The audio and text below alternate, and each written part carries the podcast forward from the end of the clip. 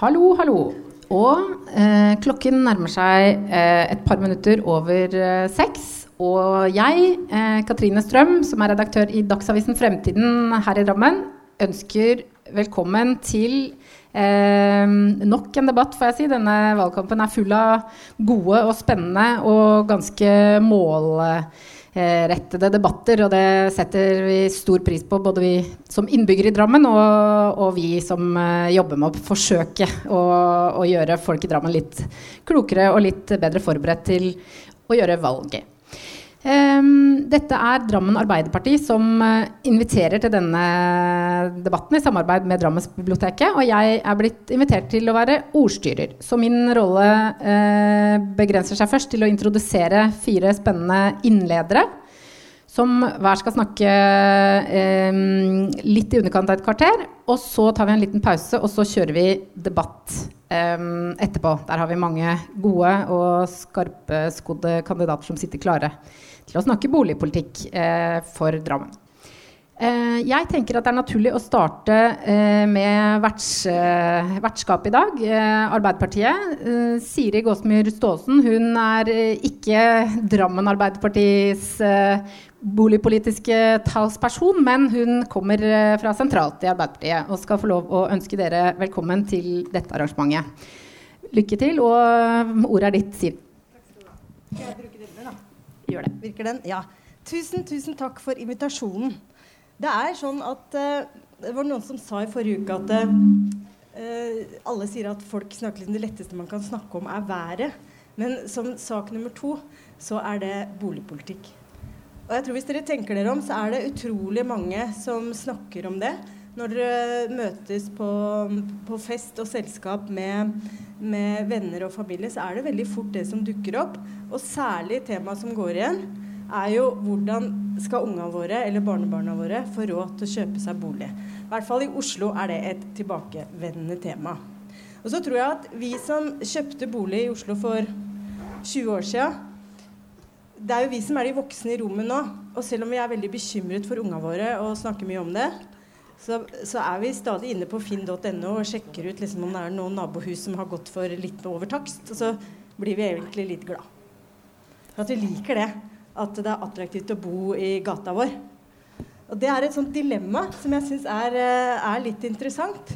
Eh, og som jeg som, Altså, skal vi skal vi gjøre det som Arbeiderpartiet mener da, er det aller viktigste i boligpolitikken, nemlig å få ned prisene, eh, så må vi bygge flere boliger. Eh, da må vi jo ville det òg.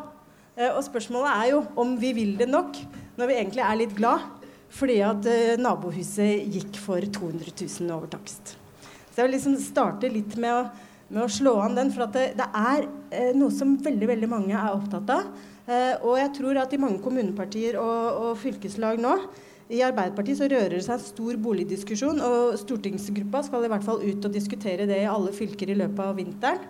Uh, og det er på tide å, å diskutere bolig, ikke bare boligsosialt arbeid, men også liksom, den vanlige boligpolitikken. Da. Og det, første, det fremste tiltaket der er jo rett og slett hvordan vi skal få bygd flere boliger i eh, pressområder. Men først eh, så har jeg lyst til å si litt om hvorfor Norge er så spesielt. Eller i hvert fall min historie da, og arbeiderbevegelsens historie er jo veldig sterkt knyttet til at det var et tidlig et politisk mål for arbeiderbevegelsen at folk arbeidsfolk skulle eie sin egen bolig.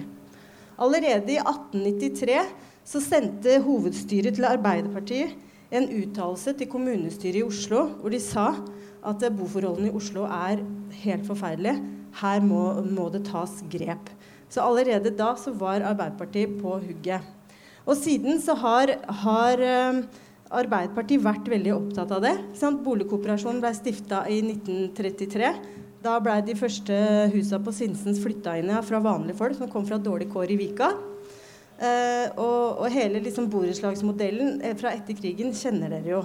Og jeg tror også at i de første programmene til Arbeiderpartiet etter krigen så sto det liksom i, i målene da, at, eh, at folk, vanlige folk skulle klare å eie egen bolig. At det var like viktig å eie egen bolig som å ha en jobb å gå til, en lønn å leve av, god helse. Sånn at vi har lyst til da, på Stortinget å liksom ta tilbake det eierskapet til boligpolitikken. Eh, så det jobber vi med. Og hvorfor gjør vi det? Vi ser jo at uh, den sykepleierindeksen? Der, der er det sånn, den, den, sier noe om hvor mange sykepleiere har råd, eller hvor mange boliger har en vanlig sykepleier råd til å kjøpe i et boligområde. Uh, og i Oslo er jo det bare 4% I Drammen er det 38% Så det er jo bedre enn i Oslo. Men det er, jeg mener at, eller vi mener at det skal være en uttalt politikk at vanlige folk skal kunne bo uh, og velge sjøl hvor de skal bo. Og boligmarkedet er jo i ferd med å bli en sånn ulikhetsdriver.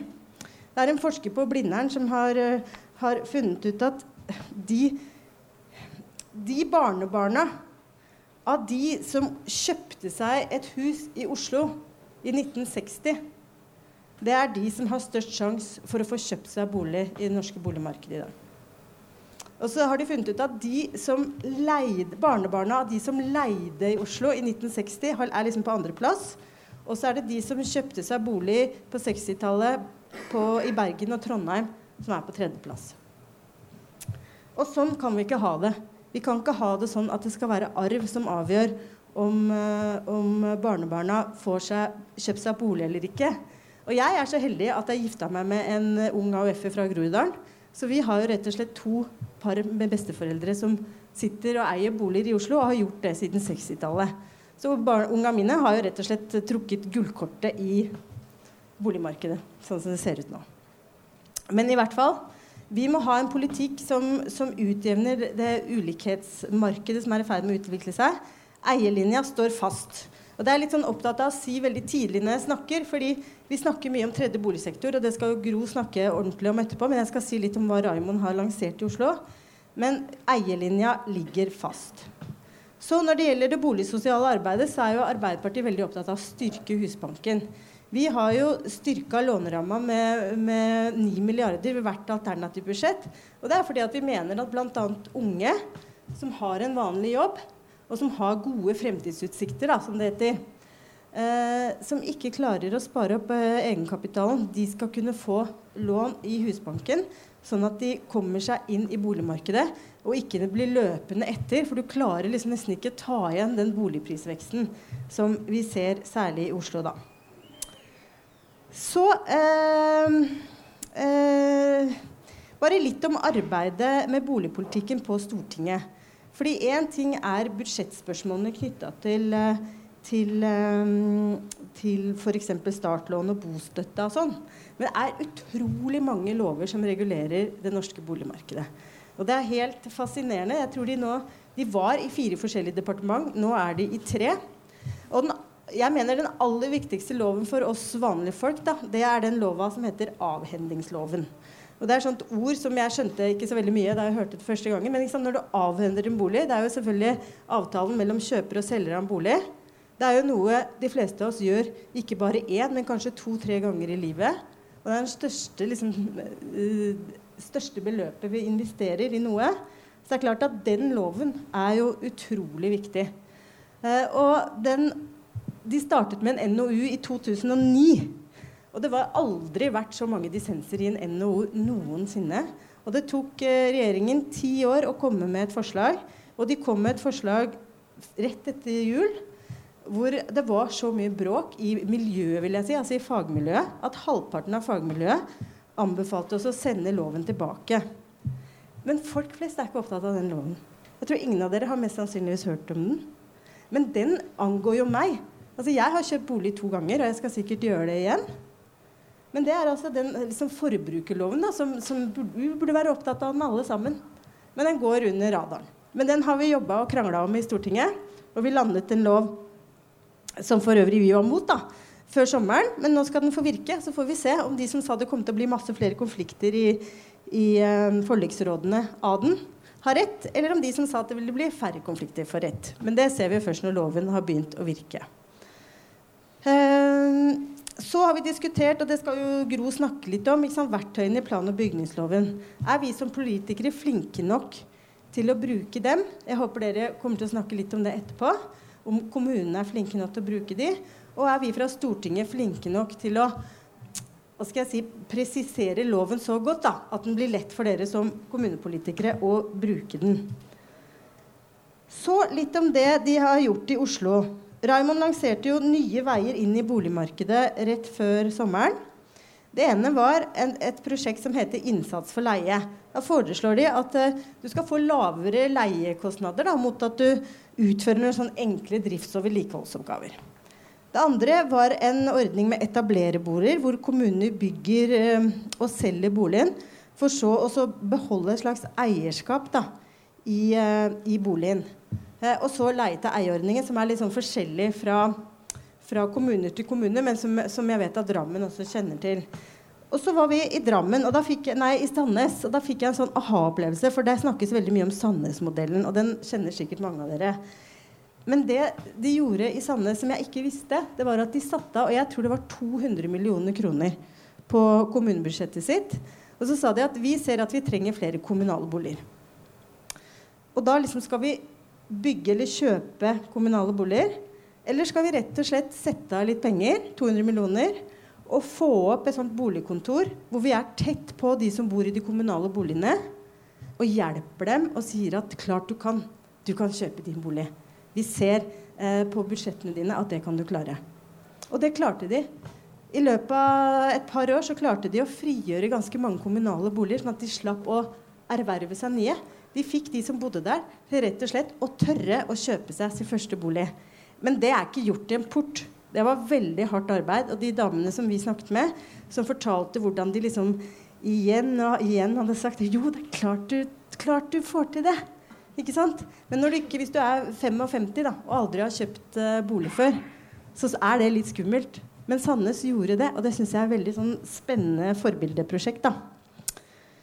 Uh, men i hvert fall. Hovedutfordringene, sånn som vi ser det Jeg skal gå inn for landing nå.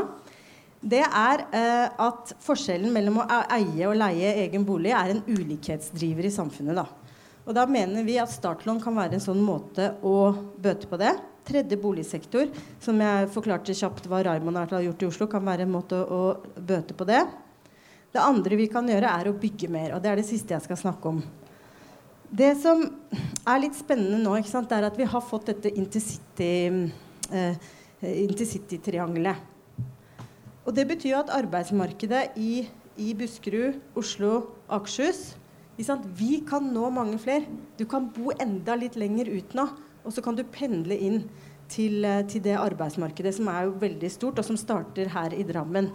Men da må jo, da må jo de kommunene som får togstopp, da, de må strekke seg litt ekstra for å bygge nok boliger. Og de må bygge miljøvennlig. Og da er jo liksom denne her greia ikke sant? Skal vi, Det koster mer å bygge tett på en togstasjon i sentrum. Og både, bolig, altså både kommunen som, som premissleverandør for boligbygging, men også de som skal bygge, så er det billigere å bygge på jomfruelig mark. Eh, og også nå, I sommer så, så vi jo at, eh, at samferdselsministeren sa at det blei for dyrt å bygge stasjon i Fredrikstad midt i sentrum, den må bygges utafor. Men det er litt sånn høl i huet da, når vi snakker om klimaendringene. Ikke sant? Og her, her jo, kommer på en måte staten med en gave til mange kommuner og sier her skal det være en stasjon. Da mener jeg at vi som, som storting og regjering da, må kunne kreve av de kommunene at her skal dere bygge tett på stasjonen, sånn at de folka som bosetter seg her, kommer seg kjapt ut og inn av jobb Uh, og kan jobbe, jobbe, i og for seg langt unna der de bor, men at de pendler miljøvennlig, og at de også kan leve miljøvennlig der de bor. Dette her skjedde jo også utafor Oslo på 60-tallet, da vi fikk Eh, den utdanningsrevolusjonen. Masse folk som kom fra Vestlandet og Nord-Norge og, og, skulle bosette seg, hadde, eller studerte og fikk seg jobb i Oslo-regionen. Skulle bosette seg, hadde ikke råd å bo i Oslo. De havna jo i Nittedal, i Liebyen, på Vestby, på Skjetten, sånn som foreldra mine gjorde. Så flytta vi inn til byen etter hvert. Men det, jo litt, det er jo litt sovebyer. Vi må skape byer utenfor byene nå, knytta til de togstasjonene som gjør at du ikke trenger å bruke bil når du skal kjøre unga til trening. At du kan handle kort og greit nær der du bor.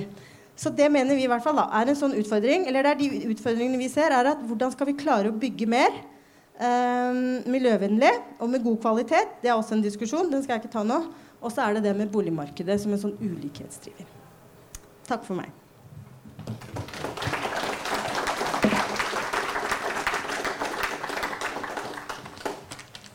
Da eh, sier vi tusen takk til Siri Gåsmer Staalesen for fin uh, introdu introduksjon til temaet. Jeg har, eh, føler at vi sirkler oss nærmere inn mot um, Drammen, men vi skal ikke helt inn i det indre enda. Vi har hatt flere debatter som jeg nevnte tidligere, og noen av de som har vært veldig synlige og sterke her i Drammen egentlig i flere år, men som har tatt seg litt opp igjen nå i, i senere tid, det er eh, hvordan, vi bruker, hvordan vi planlegger eh, når vi skal bygge. Eh, mye av debatten i sommer har gått på eh, lite eh, vakre eller, eh, eller, familievennlige eller menneskevennlige bomiljøer. og jeg har selv stått her i dette samme rommet med noen av de politikerne og snakka om hvorfor blir det sånn når arkitekter har sine, sin stolthet og sine ideer, og utbyggere har sin uh, visjon og, og, selvfølgelig skal tjene penger, men de vil selge det. Og folk mener jo åpenbart at vi ikke lykkes uh, her i Drammen med å finne de gode løsningene i sentrum. Da er et, nøkkel, uh, et nøkkelverktøy er plan- og bygningsloven, og hvordan bruker kommunen den, og hvordan bruker politikerne, og hvordan bruker vi, vi den. Jeg trenger ikke det? Nei. Takk. Det har vi fått eh, hjelp til å belyse eh, fra Gro Sandkjær eh, Hansen, som jobber eh, som professor innenfor planleggerutdanning eh, ved Oslo OsloMet. Vær så god. Tusen takk. Og tusen takk for invitasjonen. og Veldig spennende å kunne bidra inn i en politisk debatt. Noe av det vi har sett på, er nettopp hvordan er det mm, plan- og bygningsloven fungerer som redskap for dere som skal være lokalpolitikere? Sånn, det er en redskaps, en verktøykasse som uh, dere skal ha med dere til å omsette valgløftene inn i noe konkret. Og hvordan fungerer det for det? Som det? Og noe av den uh, grunnen Får jeg opp den PC-en her? Klarer ja. du å løfte den opp her? Skal jeg trykke? Noe av grunnen til at jeg uh, står her, er fordi jeg leder evalueringen av plan- og bygningsloven i fire år. Og vi kom med to, to, uh, takk, to uh, bøker i fjor. og hvor dette spørsmålet var en av de tingene vi så på. Jeg tror det Sånn. og dette er bøkene.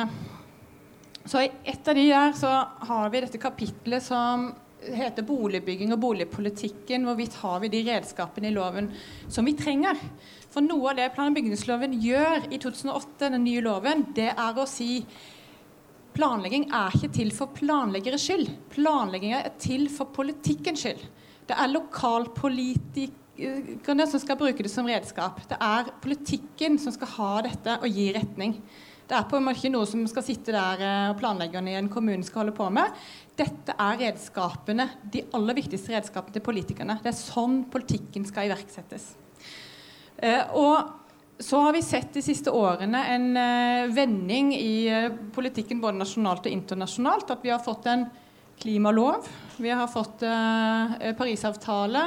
det nedfeller seg i regionale planer, det nedfeller seg i byvekstavtaler, som nå er på spill. Eh, men hvor vi ser det som innbyggere da, i kollektivsatsing, og vi skal prøve å vri mobiliteten over til en litt annen form for å transportere oss selv. Så vi ser at dette fører jo til en fortettings... Altså, her ligger jo intercity-triangelet til grunn. Uh, dette er prinsippene som begrunner det. Og fortetting rundt knutepunkt er veldig viktige nasjonale signaler.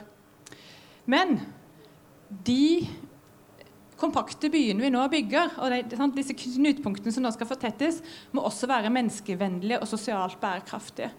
Så det må på en måte være gode steder å bo.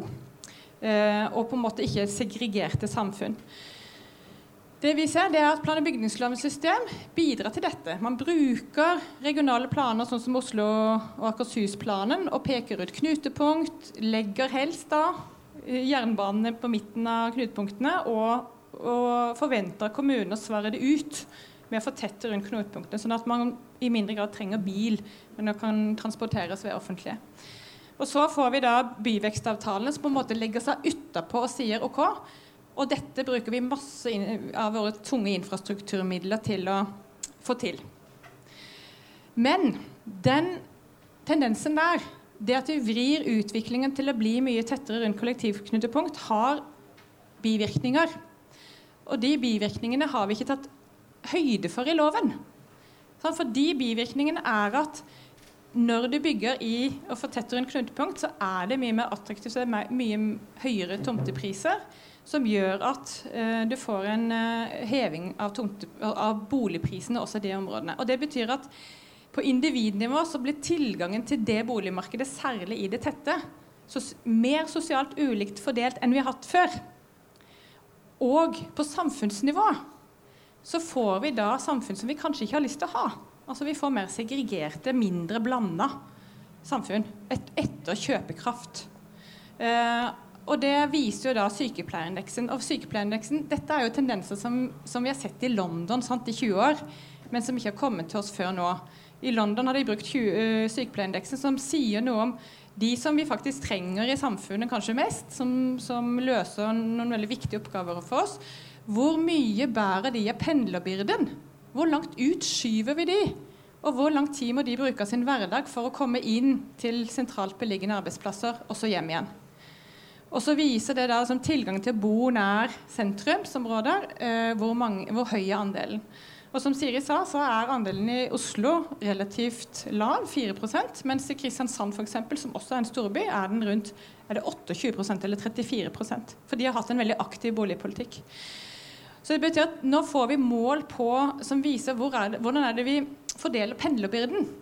Hvem er det som skal Hvem gagner dette, og hvem er det som, som uh, det ikke gagner?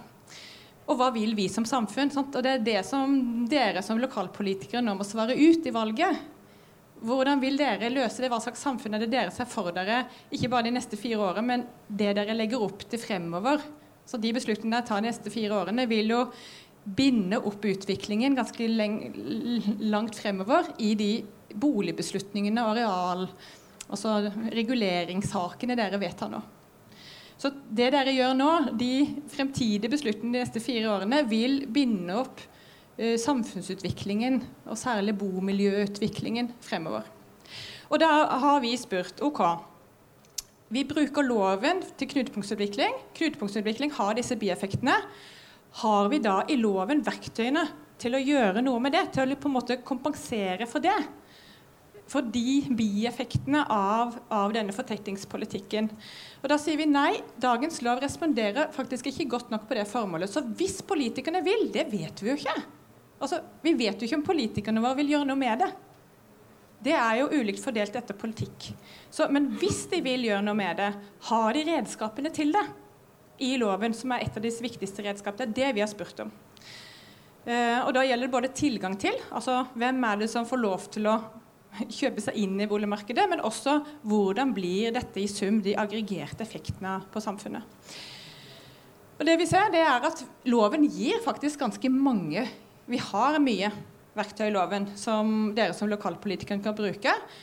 Dere kan ha en offensiv boligpolitikk og mobilisering gjennom planverket. Dere kan bruke kommuneplanens arealdel, boligsosial handlingsplan, planbestemmelse om leilighetsstørrelser for å få til blanda bosetning og få inn barnefamilier i by, som mange byer er opptatt av. At, sentrum også skal være for barnefamilier. altså Man skal ha levende bysentrum. Um, og det kan man bruke allerede bestemmelser. Det har da lov til å be om leilighetsbrøker. Sant? Hvor store og hvor store er brøken mellom de. Kjempeviktig verktøy for å få til denne blandingen. Som eiendomsbesitter, hvis kommunen eier eiendom, så kan de be om nesten hva som helst. Sant? For det er et det er et fantastisk verktøy. Hvis de ikke har solgt under kommunal grunn, så er det et fantastisk verktøy nå til å gjøre nesten hva man vil eh, på boligfeltet. Stor fred for å legge til rette for sånne nye boligmodeller som leie til eie. Eller ideelle små boligbyggelag, selvbyggelag. Man kan bruke forkjøpsrett systematisk, eller man kan samarbeide. altså Via samarbeidsform og, og har man en god samarbeidskultur med store utbyggingsaktører, så kan man også få til ganske mye. Vi ser at markedet responderer nå på denne politikkens eh, fokus på tredjeboligsektor. Vi ser at Obos har fått opp bostartmodell, som er en leie-til-eie-modell. Og Fredensborg sier nå de skal bygge 1000 eh, i Oslo, 1000 leiligheter som er leie-til-eie. Det de gjør, gjør, er på en måte å ta den risikoen, den første risikoen eh, som kjøper tar, eh, og så kan man da kjøpe seg mer og mer inn i egen bolig. Men det evalueringen sier, det er at ok, vi har mye, og de bør kanskje Hvis man, hvis man som politiker vil gjøre noe, så må man på en måte bruke dette i en miks. Må bruke dette aktivt i en miks for å gjøre noe, hvis man vil. Eh, og da kanskje i mye større grad rette det mot ikke bare eh, vanskeligstilte, sånn som boligpolitikken til nå har dreid seg om, men faktisk denne mellomgruppa som er lavinntektsyrker eh, og førstegangskjøpere som på en måte skal akkurat ha den knekken inn i boligmarkedet, ak akkurat ikke klare den egenandelen, f.eks. Men evalueringen finner også at vi, har måte, vi, må, vi må få noen uh, verktøy til. En liten sag og en tang til. Og det er å for det første få mulighet til å regulere dispensasjonsform. Hvis de ikke eier, så må de likevel kunne kreve av forslagsstiller, altså den utbyggingsaktøren, å kunne eh, si at her vil jeg ha selveie, eller her vil jeg ha borettslag. For borettslagmodellen kan faktisk åpne for Da kan du legge til rette for små, mer idealistiske selvbyggelag, sånn som Svartlamoen i, i, Trondheim, eller nå er det Tøyen boligbyggelag i, i Oslo, hvor, hvor, på en måte eiere går sammen selv og sier vi, vil, vi er 20 stykker, så vi bygger vår egen, eh, vår eget bygg. Det kan, altså Hvis du gir kommunen den muligheten, så kan kommunen også legge mer aktivt til rette for sånne små aktører. For det vi ser i dag, er jo at markedet monopoliseres litt. At det er store aktører som i stor grad bygger ut veldig mye. Og det er vanskelig for små aktører å komme inn. På lengre sikt altså Det er en veldig liten ting å gjøre, men loven må endres. Men det er en veldig liten ting å gjøre, så vi er spent på hva Siri gjør på Stortinget med dette. Men på lengre sikt så er jo spørsmålet om vi kanskje også må få mer strukturendring. sånn Det vi gjør i dag, er jo at utbyggingsavtaler tillater at hvis ber utbygger om å legge til rette for grå struktur, grønn struktur, altså vei, vann og avløp, park, lekeplasser, men kanskje også man skal be om boligbidrag. For at vi har på en måte Den sosiale infrastrukturen og, og boliger kan også være med i en sånn pakke. Det kan få opp volumet, det kan sikre det, nære, det vi kaller boliginjisering. At du kan be om ok, I ethvert boligprosjekt så kan man be om at 10% skal være leie til eie. Som en ganske liten risiko for uh, en utbyggingsaktør, men som vil spre da førstegangskjøpet f.eks. utover i byen. Så da hindrer man i mye større grad en sånn segregerende mekanisme. Så oppsummert, ja. oppsummert så kan jeg si at um, det man ser, det er at vi nå vil at politikk, altså at arealutviklinga skal bli og spre oss mindre utover. Mindre byspredning og mer kompakthet rundt knutepunkt. Eh, også for at det gagner utbyggere. Det lønner seg å bygge rundt knutepunkt. Det må styres flere, langs flere dimensjoner. Og plan- bygningslovens redskap kan brukes til det. Den første dimensjonen er da klimautslippsreduserende utvikling. Altså å vri mobiliteten og sørge for at kollektivknutepunktene eh, brukes. Og det andre er boligproduksjon, altså effektivisering, som Siri var inne på. Å få til mer boligbygging. Møte behovet for boligbygging. Og det tredje, som er kjempeviktig, som vi egentlig ikke har vært inne på, det er at selv om det bygges kompakt, så må det likevel være bra. Og det har dere også redskap til som politikere. Det ligger masse redskap i loven til å stille kvalitetskrav til det som blir bygd i det kompakte. For det at det blir bygd kompakt, betyr ikke at det må være dårligere. Og vi ser at kompakthet kan faktisk øke folkehelseeffekten og forbedre folkehelse fordi at du tilrettelegger for bedre møteplasser f.eks. Men da må man på en måte som politiker be om det. Hele tiden være på og se er det kvalitativt gode boområder vi her jobber frem.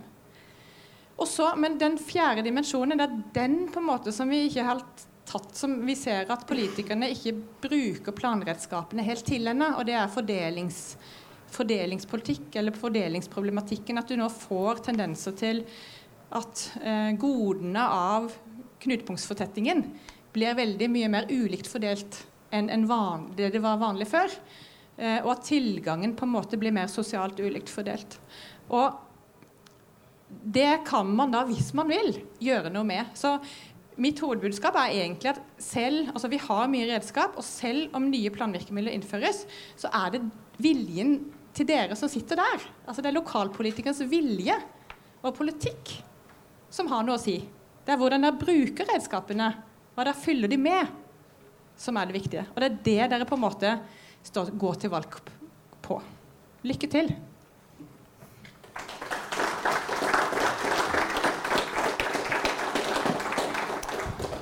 Tusen takk, eh, Gro. Eh, vi eh, følger forbilledlig fremdrift her. Folk har forberedt seg på minutt omtrent. Jeg har jobbet litt i forkant av dette møtet, og også tidligere med å, å se litt på Å skrive saker om, om boligpolitikk. Og det vi ikke har snakka så mye om i Drammen, mens jeg har fulgt med, i hvert fall, det er en sektor som er ganske stor eh, her, men som eh, kanskje ikke har de høyeste stemmene alltid i den, i den lokale debatten her. Uh, det er de som leier bolig.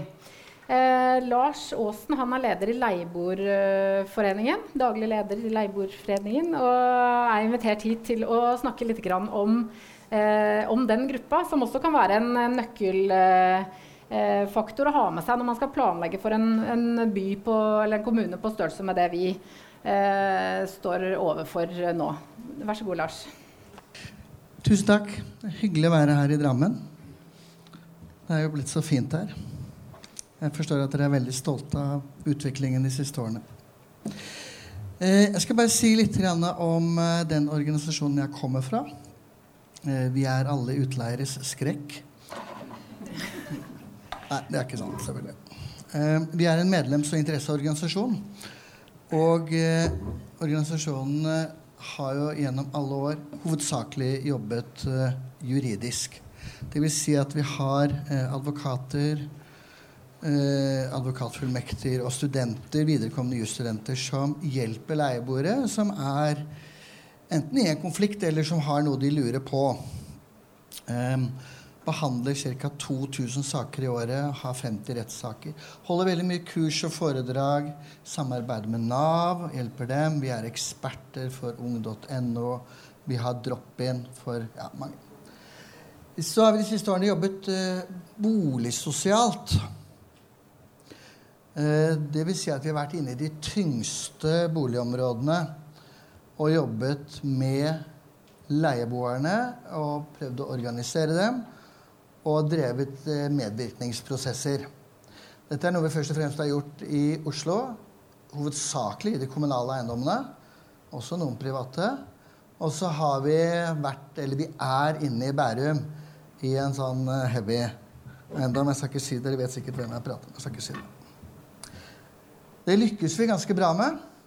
Det er fullt mulig å få boligområder som har vært gjennom en lang nedturspiral, til å bli bedre. Og det er veldig gøy å se.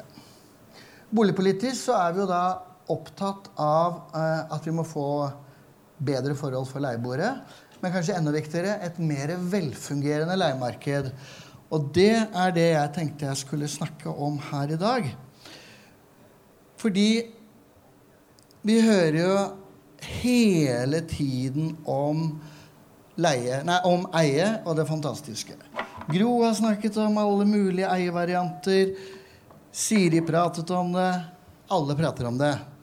Alle prater om at vi skal få folk inn i egne eide boliger. Og det er vel og bra. Det synes jeg også. Og den norske boligmodellen er bra. Men denne ekstreme fokusen på eierideologien sementerer også ulikhetene og det som er utfordringene i den andre sektoren, leiesektoren. Og i Norge så bor det nesten én million mennesker i leieboliger. Og vi vet noe om de leieboligene, og vi vet noe om de leieforholdene. Ikke så mye, det er et stort problem, men vi vet noe. Og det vi vet, er ikke så veldig hyggelig. Jeg prøvde å se hva jeg kunne finne ut om Drammen da, før jeg skulle hit i dag. Og selv det er jo nesten umulig. Det er jo en av femte-sjette største byene i Norge. Finner jo nesten ikke noe tall. Finner lite grann. Vet dere hvor mange leieboliger det er i Drammen? Jeg fant ut at det skulle være ca. 8500. Og at i Drammen så er det ca. 15 500 som leier. Det er jo ganske mange, da. Hvordan har de det som leier? Nei, det vet vi veldig lite om. Eh, vi vet noe om leieprisene. Eh, men da begynner vi å bevege oss inn i en kategori som heter tettsteder med 20 000 innbyggere eller flere. Inn der finner vi Drammen, da. Og da er gjennomsnittsprisen 8000 kroner for en toroms leilighet på 50 kvadrat. Så sjekket jeg det opp med utleiemegleren, for jeg vet at de holder til i Drammen også, og det passer ganske bra. 8004 sier de da. Så vet vi da at leieprisen har steget med ca. 24% siden 2012. I den samme perioden har eierboligprisene steget med for en toroms, eller for disse småhusene, ja, med ca. 50, mellom, mellom 40 og 50% I denne perioden har prisstigningen vært 15 Altså både eieprisene og leieprisene har steget mer enn KPI. Så vet vi også at eh, Drammen kommune disponerer ca. 20 boliger, eller 19 boliger for å være helt nøyaktig, per 1000 innbyggere. Oslo har 20. Nei, Drammen har 20, Oslo har 19 per 1000 innbyggere kommunale boliger. Og så vet vi litt om bostøtte, litt fra KOSTRA osv. Eh, det som jeg stusset over når jeg så på tallene, var at uh, de, veldig, de, har veldig lav inntekt, de som leier i Drammen. 80% av dem ligger i laveste eller andre inntektskvartil. Og det er veldig lavt, da. Ok. Noe særlig mer om leiesektoren i Drammen fant ikke jeg ut. Hadde jeg sett på Oslo, så hadde jeg ikke funnet så veldig mye mer, annet enn noen spesi spesifikke, spesifikke forskningsrapporter som har kommet de siste årene. Så vi vet lite. Men vi vet at uh, i Norge så er det ca. 20% som leier. 23% leieboere, 18% husholdninger som er på leiesektoren. Boligene er gjennomgående eldre enn eierboligene.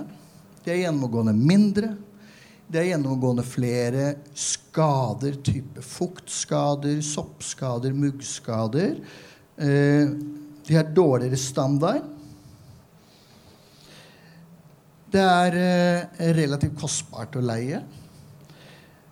De som leier, er enten unge studenter, folk i en fase av livet som um, er litt krevende, f.eks. Um, etter en skilsmisse, eller som separerte.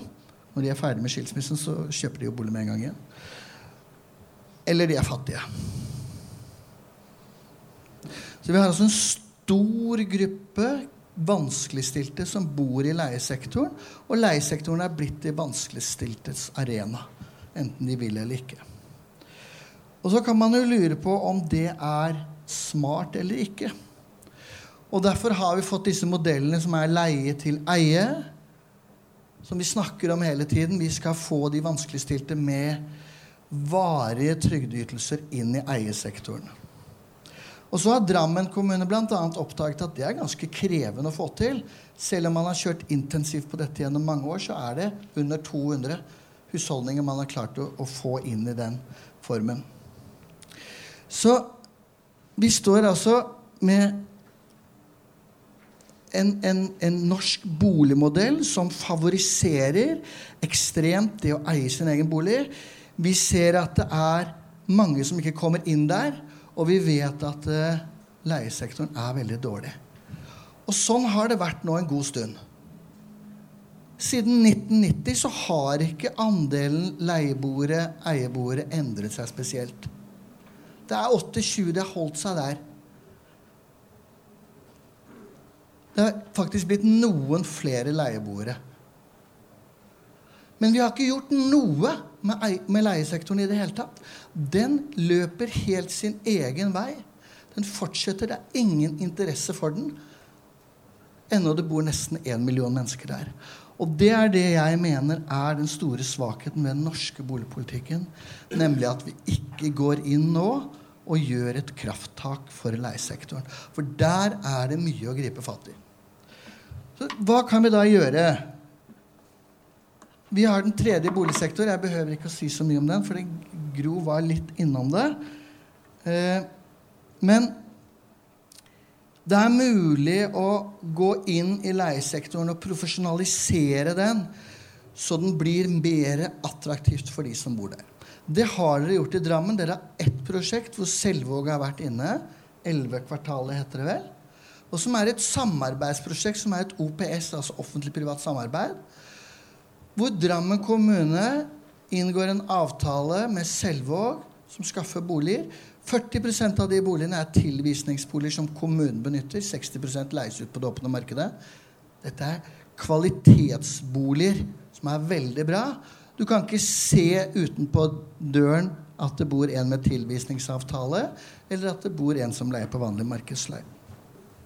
Det er staten som finansierer denne type boliger gjennom Husbanken. Og de har gjort det nå siden 2014, og man har kjempegode erfaringer med det så vil jeg anta at Drammen kommune har, som de fleste andre kommuner i dette landet, noen utfordringer med sin egen boligmasse. De fleste kommuner har egentlig ikke brydd seg så mye om boligene, annet enn å plassere inn mennesker med ulike utfordringer der, og kreve inn den husleia de kan gjøre. Det er veldig mye å gripe fatt i i det kommunale boligen, og det er fullt mulig å gjøre det. Og hvis man ikke gjør det, så blir jo dette en sånn altså, Det er ille kanskje å være på leiemarkedet, men det er enda verre å bo i en kommunale bolig hvor man blir låst inne fordi man ikke er i stand til å gå ut på et annet marked. Fordi man blir låst inne gjennom ulike støtteordninger. I Oslo kommune så har kommunen selv dokumentert det som vi kaller innelåsningseffekten. Og som viser at eh, en husstand eller en person som tjener 150 000 kroner Hvis vedkommende øker inntekten sin med 100 000 kroner, så sitter han igjen med 300 kroner mindre etter at bokostnaden er betalt. Det er ikke noe, det er ikke noe intensiv for å begynne å jobbe. Og hvis man mener at folk skal jobbe for å spare for å komme inn i eiemarkedet, så må man jo se på nettopp dette. Eh, vi trenger en mer profesjonell leiesektor. Og det er det mulig å få til. Det bør ikke bare være kommersielle aktører. Jeg tror kommersielle aktører også har en rolle her. Det kan være ideelle.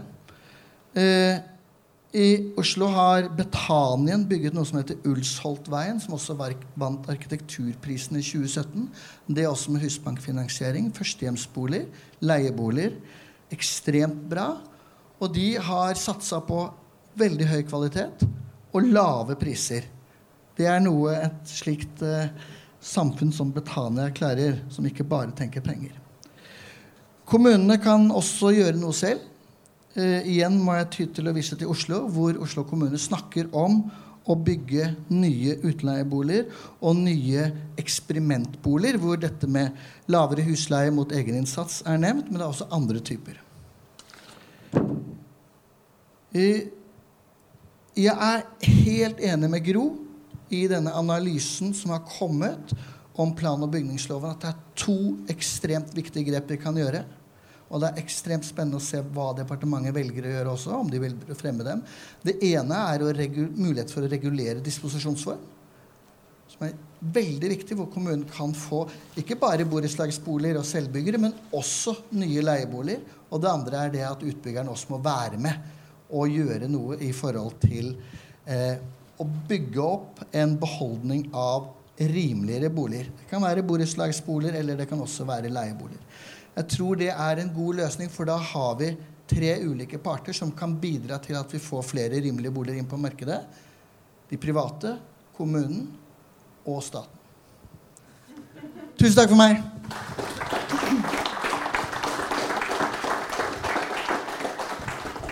Hjertelig takk for veldig interessante input, som i hvert fall uh, ga meg mye å tenke på i forhold til både spørsmålsstilling både i kveld, men også seinere. Veldig bra. Tusen takk, Lars.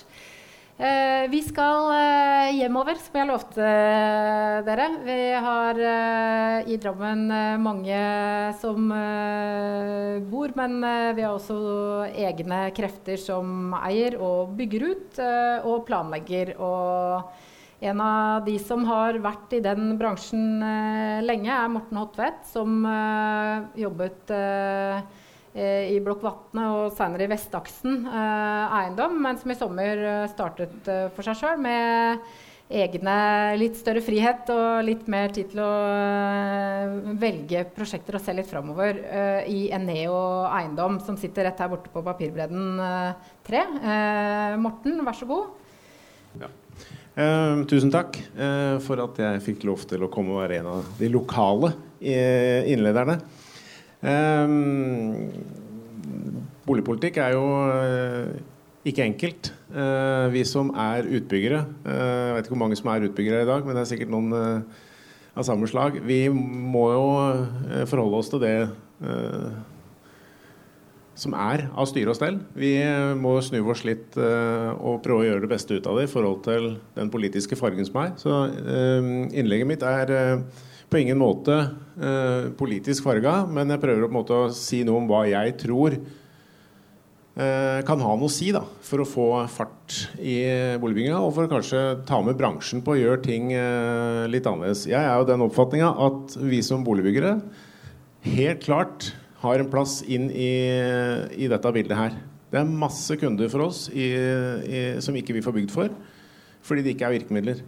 Eh, så jeg synes jo, det, det jeg etterlyser, er jo at vi blir tatt med. Så det kan godt hende at vi ikke får til noen ting, men i hvert fall ta oss med. Still noen krav, eh, og så får vi se vi, hvor langt vi kommer. Jeg syns uh, William Shakespeare er ganske god. da. Det er ganske mange år siden han uh, sa dette her. Og jeg tenkte litt mer over det, det ordtaket, så er det kanskje det han egentlig mener, er alle typer mennesker. For uten, altså Hvis vi får byer som ikke har alle typer mennesker, så tror jeg i hvert fall det blir rimelig kjipt. Eh, og det jeg tror vi er i ferd med å utvikle, er jo urbane områder som ikke har plass til alle mennesker. Og det er eh, Jeg tror det er ingen av oss eh, som vil dit hen. Eh, det er jo sånn nå at eh, personer som innehar nøkkelposisjoner, ikke har råd til å kjøpe bolig i Oslo, f.eks. Vi har snakka om sykepleierindeksen. Eh, jeg skal ikke si så mye mer om den, men det er klart at det er eh, sykepleiere, det er eh, brannfolk, det er politi, mange stillinger som da detter utafor. Tallet har vært her før i dag, men også i en litt annen vinkling. En sykepleier kunne i 2018 låne 2,6 millioner kroner. Og det holdt til å kjøpe da 30% av boligene i Drammen. Ikke så gærent. Men det som er hele greia, er at Oslo ligger hele tida litt foran oss. Eh, og der er 4 ble sagt før i dag, sikkert mer riktig. Og det tror jeg er en vei som ingen av oss har veldig trua for at vi skal gå. Denne her kom i se, Ja. Boligformuen i Norge er mer ujevnt fordelt enn inntektene i USA. Det er ganske voldsomt. Den kom i går. Eh, Dagens eh, Næringsliv. Eh, forskjellen har ikke vært større på 60 år. Og for 60 år siden, 70 år siden så bodde faktisk folk i telt i Oslo som jobba i staten fordi det var bolignød. Det har skjedd mye etter det, da. Noen som vet hvor dette er hen? Det er en som har lest Aftenposten. San Francisco. Stemmer. Og er det sånn i San Francisco fordi det er høy arbeidsledighet? Nei. Det er for mye arbeidsplasser. Derfor har det blitt sånn. 130 000 uh, i California er hjemløse. Uh, I Los Angeles har det blitt 20 000 mer hjemløse de siste åtte åra. Gjennomsnittlig husleie i, i San Francisco er 30 000 kroner i måneden. Det er jo de færreste som har råd til. Og det paradokset da at uh, dette er et av de stedene hvor det blir da utvikla og skapt mest uh, arbeidsplasser og med høyest økonomi.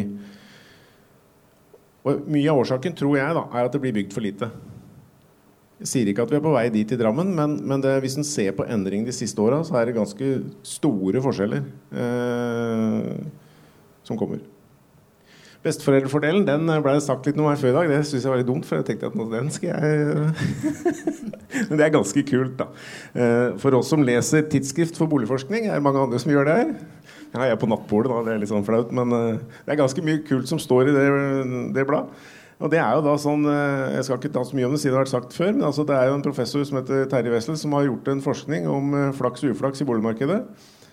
Og det er faktisk sånn at Har du hatt besteforeldre som har eid bolig, i Oslo eller de seks største byene, så eier du da i dag barnebarna Mest sannsynlig eier de bolig, og de eier boliger som er 30% dyrere enn hvis du f.eks. har hatt eh, foreldre som har eid bolig i Kongsberg.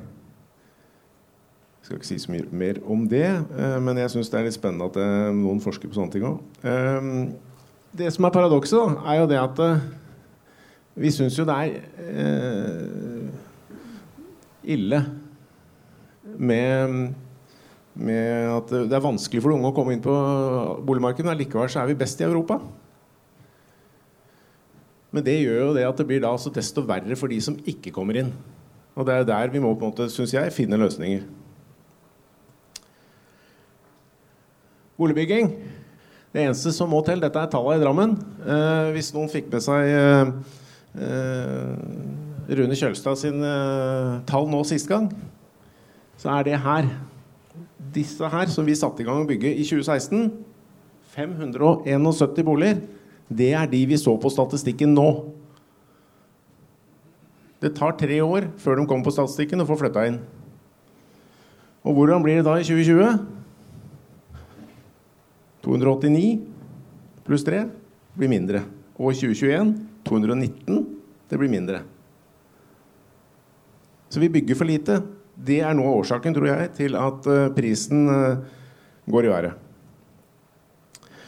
Uh, vi må øke antall reguleringer. Og så må vi Jeg så det var noen i dag som var ute og, og syntes det var nok boliger på Bragernes. Jeg tror, ja, det, Kvalitet er viktig. Det er kjempeviktig. Men vi må ikke begynne å bremse nå. For nå er det god fart. Det blir bygd veldig bra med boliger. Det er masse reguleringsplan på gang. Ikke stopp det da. Kvaliteten er viktig, helt enig, men uh, ikke dra i bremsen når det begynner å virke.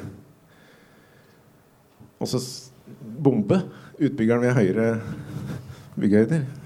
Selvfølgelig Putter du på en etasje eller to til, så får du plass til mange flere mennesker. Men da må vi øke kvaliteten på bakkenivå. Det er jeg helt enig i. Men, men, det er en, eh, et bra virkemiddel, da. Og så begynner jeg å bli lei dette her. Um, Naboen skal selvfølgelig få lov til å ha sitt å si, men tenk på hva det er man protesterer på. Du protesterer faktisk på at noen mennesker skal få et sted å bo. Vi er så gode på å trekke opp stegene etter oss. Jeg var i Oslo på søndag. Da traff jeg noen uh, som jeg kjente, som hadde kjøpt seg bolig. Og så var vi ute og så på en, et boligområde der som ble presentert. Og det var da 100 meter fra der de hadde kjøpt seg bolig. De hadde ikke fått flytta inn engang, fortalte de meg. Altså, ja, så, og så er dere her ute og kikker. Så jeg, ja, eh, vi har skrevet oss på lista. Lista, sier de, lista. Ja, vi har protestert mot mer boligbygging. Altså, da har du ikke engang fått reid opp senga di, og så protesterer du på at det etableres noe i nabostrøket. Det, det syns jeg ikke er innafor. Eh, mer makt til kommuneplan. Ikke naboer, ikke politikere står her også, men altså, politikerne vedtar jo kommuneplan. Men jeg tenker at når vi først har en kommuneplan, så må vi kjøre etter den. Og ferdig med det. Og så må vi som utbygger også ta en stor del av ansvaret for at vi prøver oss på en etasjedel hele tida. Men, men, det er kjempeviktig. Få en robust kommuneplan. Da får vi, da får vi fart i bygginga. Og så ble jeg utfordra til å si litt om eh, barnefamilier i byen. Eh, det er ikke enkelt. Eh, men jeg har jo gjort noen forsøk. Eh, og det som jeg har eh, merka meg, da Det gjerne vi får kommentarer på, er jo at kanskje vi skulle hatt et gyngedyr til. Det er liksom det er der det strekker seg, eller jeg husker til. Og det er ikke nok. Jeg tror på hobbyrom, gamingrom, også et sted å ha venner på besøk. Når du får tenåringer i hus, så må du ha en plass hvor de kan møtes. Og det er ikke inni en leilighet på 74 kvadrat. Da må man bygge et rom eh, som de kan være.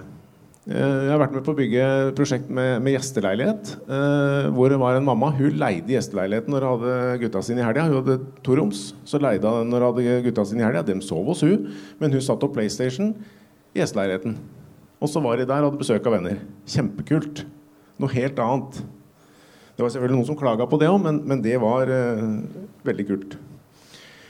Eh, så var det god tilgjengelighet for barnehage og skole og den biten. Det er i Drammen, syns jeg. Eh, og så er det en plass eh, det, det, Noen har sikkert fått med seg den der, de døde førsteetasjene.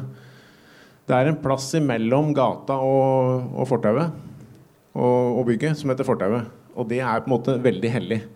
Og det jeg er ute etter, er at vi planlegger også fortauet sammen med boligprosjektene og sammen med gateplanlegginga. Um, for i dag så er det sånn at uh, prosjektet skal uh, leve for seg, og så skal fortauet, som er en helt annen eier, fortauet eies av kommunen, leve for seg. De to må leve sammen. Og da er det noe som på nynorsk heter shared spaces. Shared space streets.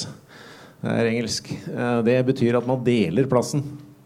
Eh, og det kan vi bli bedre til i, i Drammen, syns jeg. For der er det mye potensial. Det som alltid vinner, det er bilen. Også er det bilbrøyting. Så er det renovasjon. Og så skal jo noen komme fram med rullestol. Selvfølgelig. Men alle disse tinga, når de vinner foran kidsa, så blir det ikke så ålreit å være barn i byen. Og det jeg tror er at man må tørre å si at eh, noen ganger så er det ikke bilen som skal vinne. Eh, men man skal kunne gjøre sånn som her eh, i London. Eh, hvor man åpner plasser og sier at dette her er for de som bor der. Lager tydelige skiller til bilene. Eh, vi, vi, stenger jo Vi stenger jo gatene når. Hvorfor kan vi ikke stenge gatene på søndager eh, for kidsa? Gjør det skape skapelig liv. Hvorfor kan vi ikke møblere, sette ut møbler i, eh, i gatene utafor restaurantene? Eh, få mer liv. Det må ikke være biler i alle gatene alltid, tror jeg. Jeg har noen oppdaterte tall til Leieboerforeningen. Det er 300 stykker som har fått uh, gått fra kommunal bolig til, uh, til eie i Drammen. Uh, det syns jeg er veldig bra. Det er oppdaterte tall fra kommunen denne uka. Her kan også private utbyggere, men jeg, være med inn og bidra. Og så si at vi også kan være med og si at et visst antall leiligheter i prosjekter kan disponeres til dette formålet. Så er utbyggingsavtalen, som koster ganske mye penger. Skal ikke bruke veldig mye mer tid nå på det. Men jeg syns jo det er litt interessant, for dette er jo en skatt uh, i forhold til infrastrukturbygging som er i ferd med å ta helt av. Og det er en ekstra gebyr som blir lagt på alle boliger. Uh, det er fra 1000 kroner til 3000 kroner. Uh, I Oslo, Det høyeste jeg har sett i Oslo, er 2415 kroner. Nå ser jeg et prosjekt i Drammen på over 3000. Og 3000 per kvadratmeter skal ikke gå gjennom hele rekka her, men det utgjør på en bolig på 100 kvadrat 455 000 ekstrakostnad for infrastruktur eh, som blir lagt på boligen. Og dette er noe usosialt, fordi at eh, tidligere så bygde jo kommunen all infrastruktur. Jeg skjønner at det ikke er sånn som modellen er bygd opp i dag, så kan ikke kommunen bygge all infrastruktur. Men, men dette gjør at det blir mye tøffere å komme inn på markedet nå hvis du må putte på en sånn uh, betydelig sum. Så var det denne, da. Fredrik. Fordeling av tomtekostnad. Det blei kasta fram et forslag fra Arbeiderpartiet om, om, vi kunne fordele ta noen av boligene uten tomtekostnad eh, i et prosjekt. I dag så ser uh, regnestykket sånn ut eh, på kontoret hos meg. I første etasjen der er det null i tomtekost. 10, 20, 30 og 40. Første etasjen er det ikke mulig å legge på noe tomt i det hele tatt. Og i hvert fall ikke hvis det er, er næringslokale der. Så spørsmålet kunne gjøre det annerledes, og jeg sa vel ja, det kan vi. Uh, jeg regna litt på det. Og da, uh, hvis vi skulle for sagt at vi ikke hadde tomtekostnad i uh, et visst antall boliger, så vil jo det gjøre at de andre leilighetene blir dyrere. Så er spørsmålet tåler markedet det. Jeg veit ikke, men det hadde vært en modell å prøvd. Uh, om han er gjennomførbar, det veit jeg ikke. Men det som er helt sikkert er at kommunen må jo da stå for fordeling av de boligene som det ikke er tomtekostnad på. Skal jeg gå inn for landing snart? Ehm, jeg har et forslag da, til hvordan vi kan gjøre dette her. Jeg skal ikke si at jeg har funnet på det sjøl, men vi diskuterte litt på kontoret om dagen, og da kom det opp, og da sa jeg det stjeler, for det syns jeg var en skikkelig god idé. Og det vi har nå i Drammen som heter Futurebilt.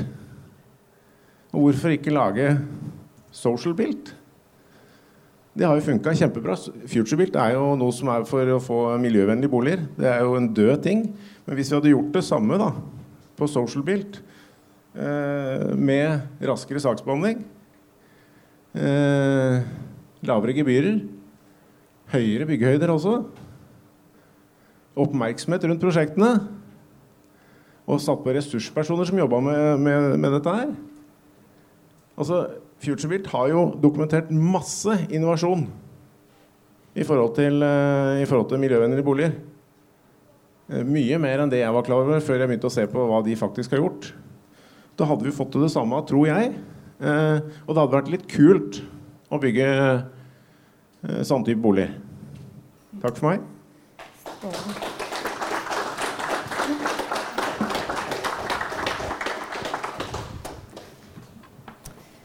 Det var uh, supert å få det både hjem og litt uh, opp i lufta, for her var det ganske mange uh, ideer. Noen kan vi ta tak i sikkert med en gang, og noen kommer det nok til å Vi kommer til å snakke om dem om noen år igjen.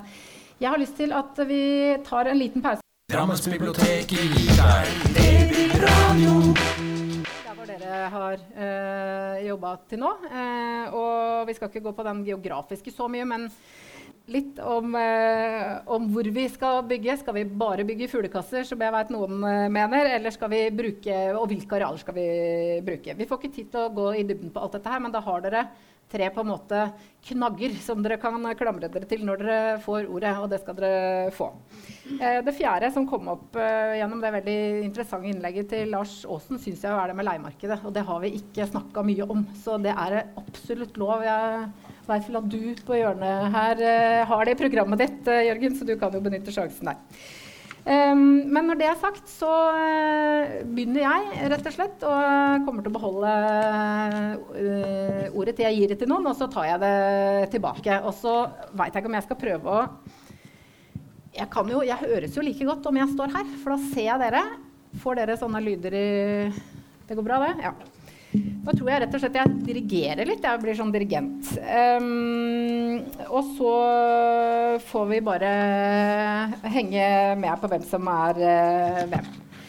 Eh, noen har vært eh, på flere debatter enn andre. Fredrik rakk å si her eh, på vei opp at han hadde, hadde, 14 debatter. Så du blir sikkert kjempeglad for at jeg starter med deg, men det er deg som er eh, i posisjon og har, eh, og har også sittet eh, Høyre har sittet ved makten i, i, to av disse tre kommunene, og du står på topp av den lista. Eh, det jeg lurer på, eh, om, for å bare starte rett på Nå har du hørt masse om verktøy i den kassa som du allerede har sittet med personlig i fire år, eller delaktig i fire år, mens eh, som Drammen selvfølgelig har hatt tilgang på eh, lenge. Og det jeg har lagt merke til i denne valgkampen, er at dere har en annonse hvor det står at eh, Høyre eh, skal skape en kommune du har råd til å bo i. Dere har uh, hatt makta i den kommunen i 16 år, og nå vil dere bruke det som innsalg, at man skal ha råd til å bo i kommunen. I Drammen så bor det uh, per i dag, var det siste tallet jeg fant, uh, ja, 69 233 innbyggere i Drammen kommune. Og av dem så bor 14 i dag det som heter trangt. Så det jeg lurer på, da, er hvilke grep er du villig til å ta for at folk i nye Drammen, også disse 14% som bor trangt i dag, skal kunne etablere seg her og, og, bli her. Hvilke verktøy vil du bruke? Takk skal du ha. Jeg har mange. Prøv å velge ja, ja, tre. ja.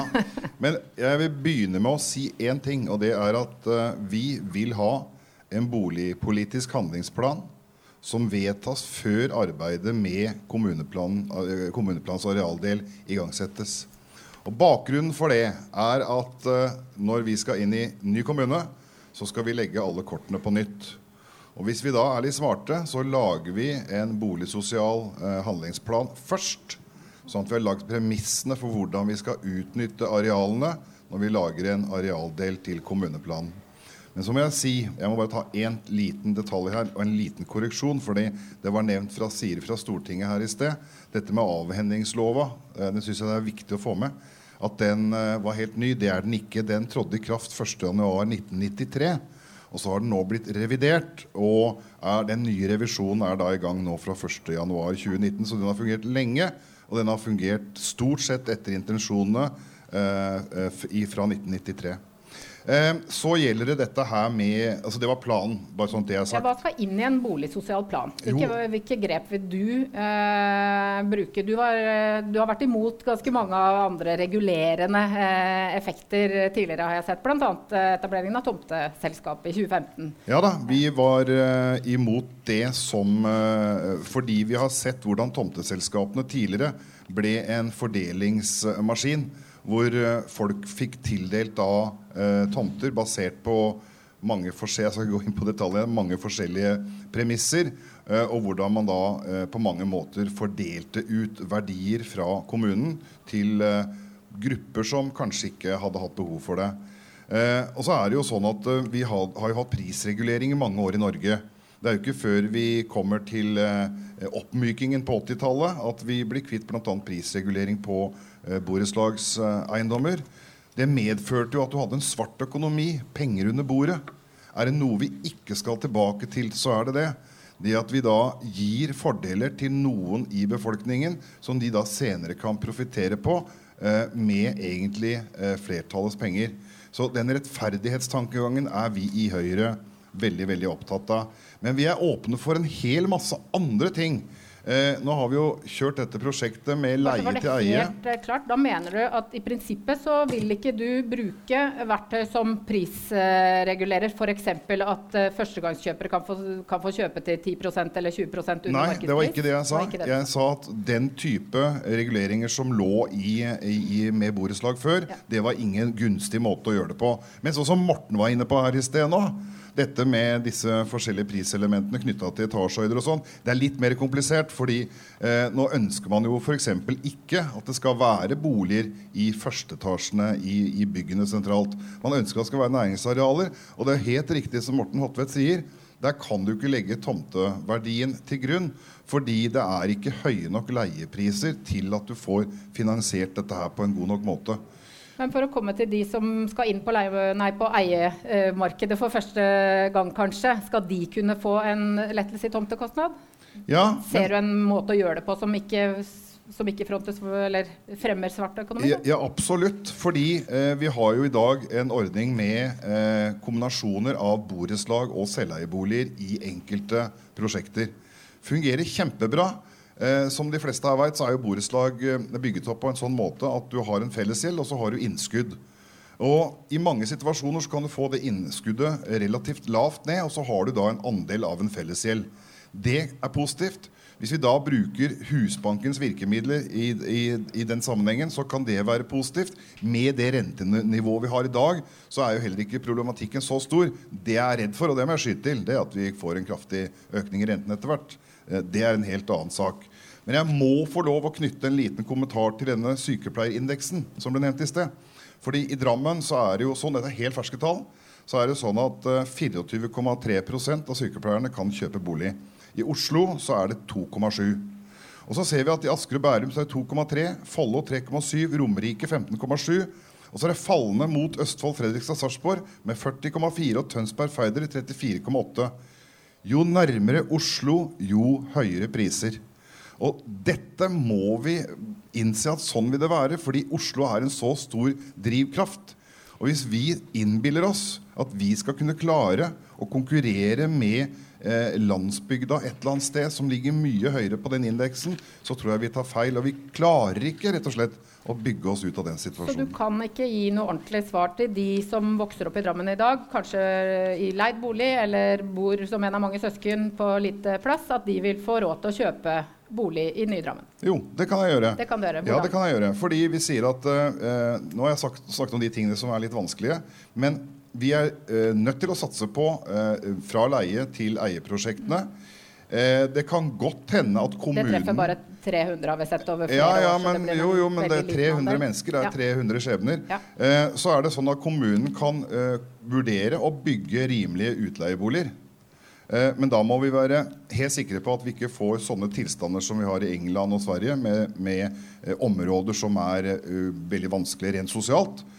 Og så er det jo hvem skal eh, dekke kostnadene. Altså, det å bygge koster omtrent det samme.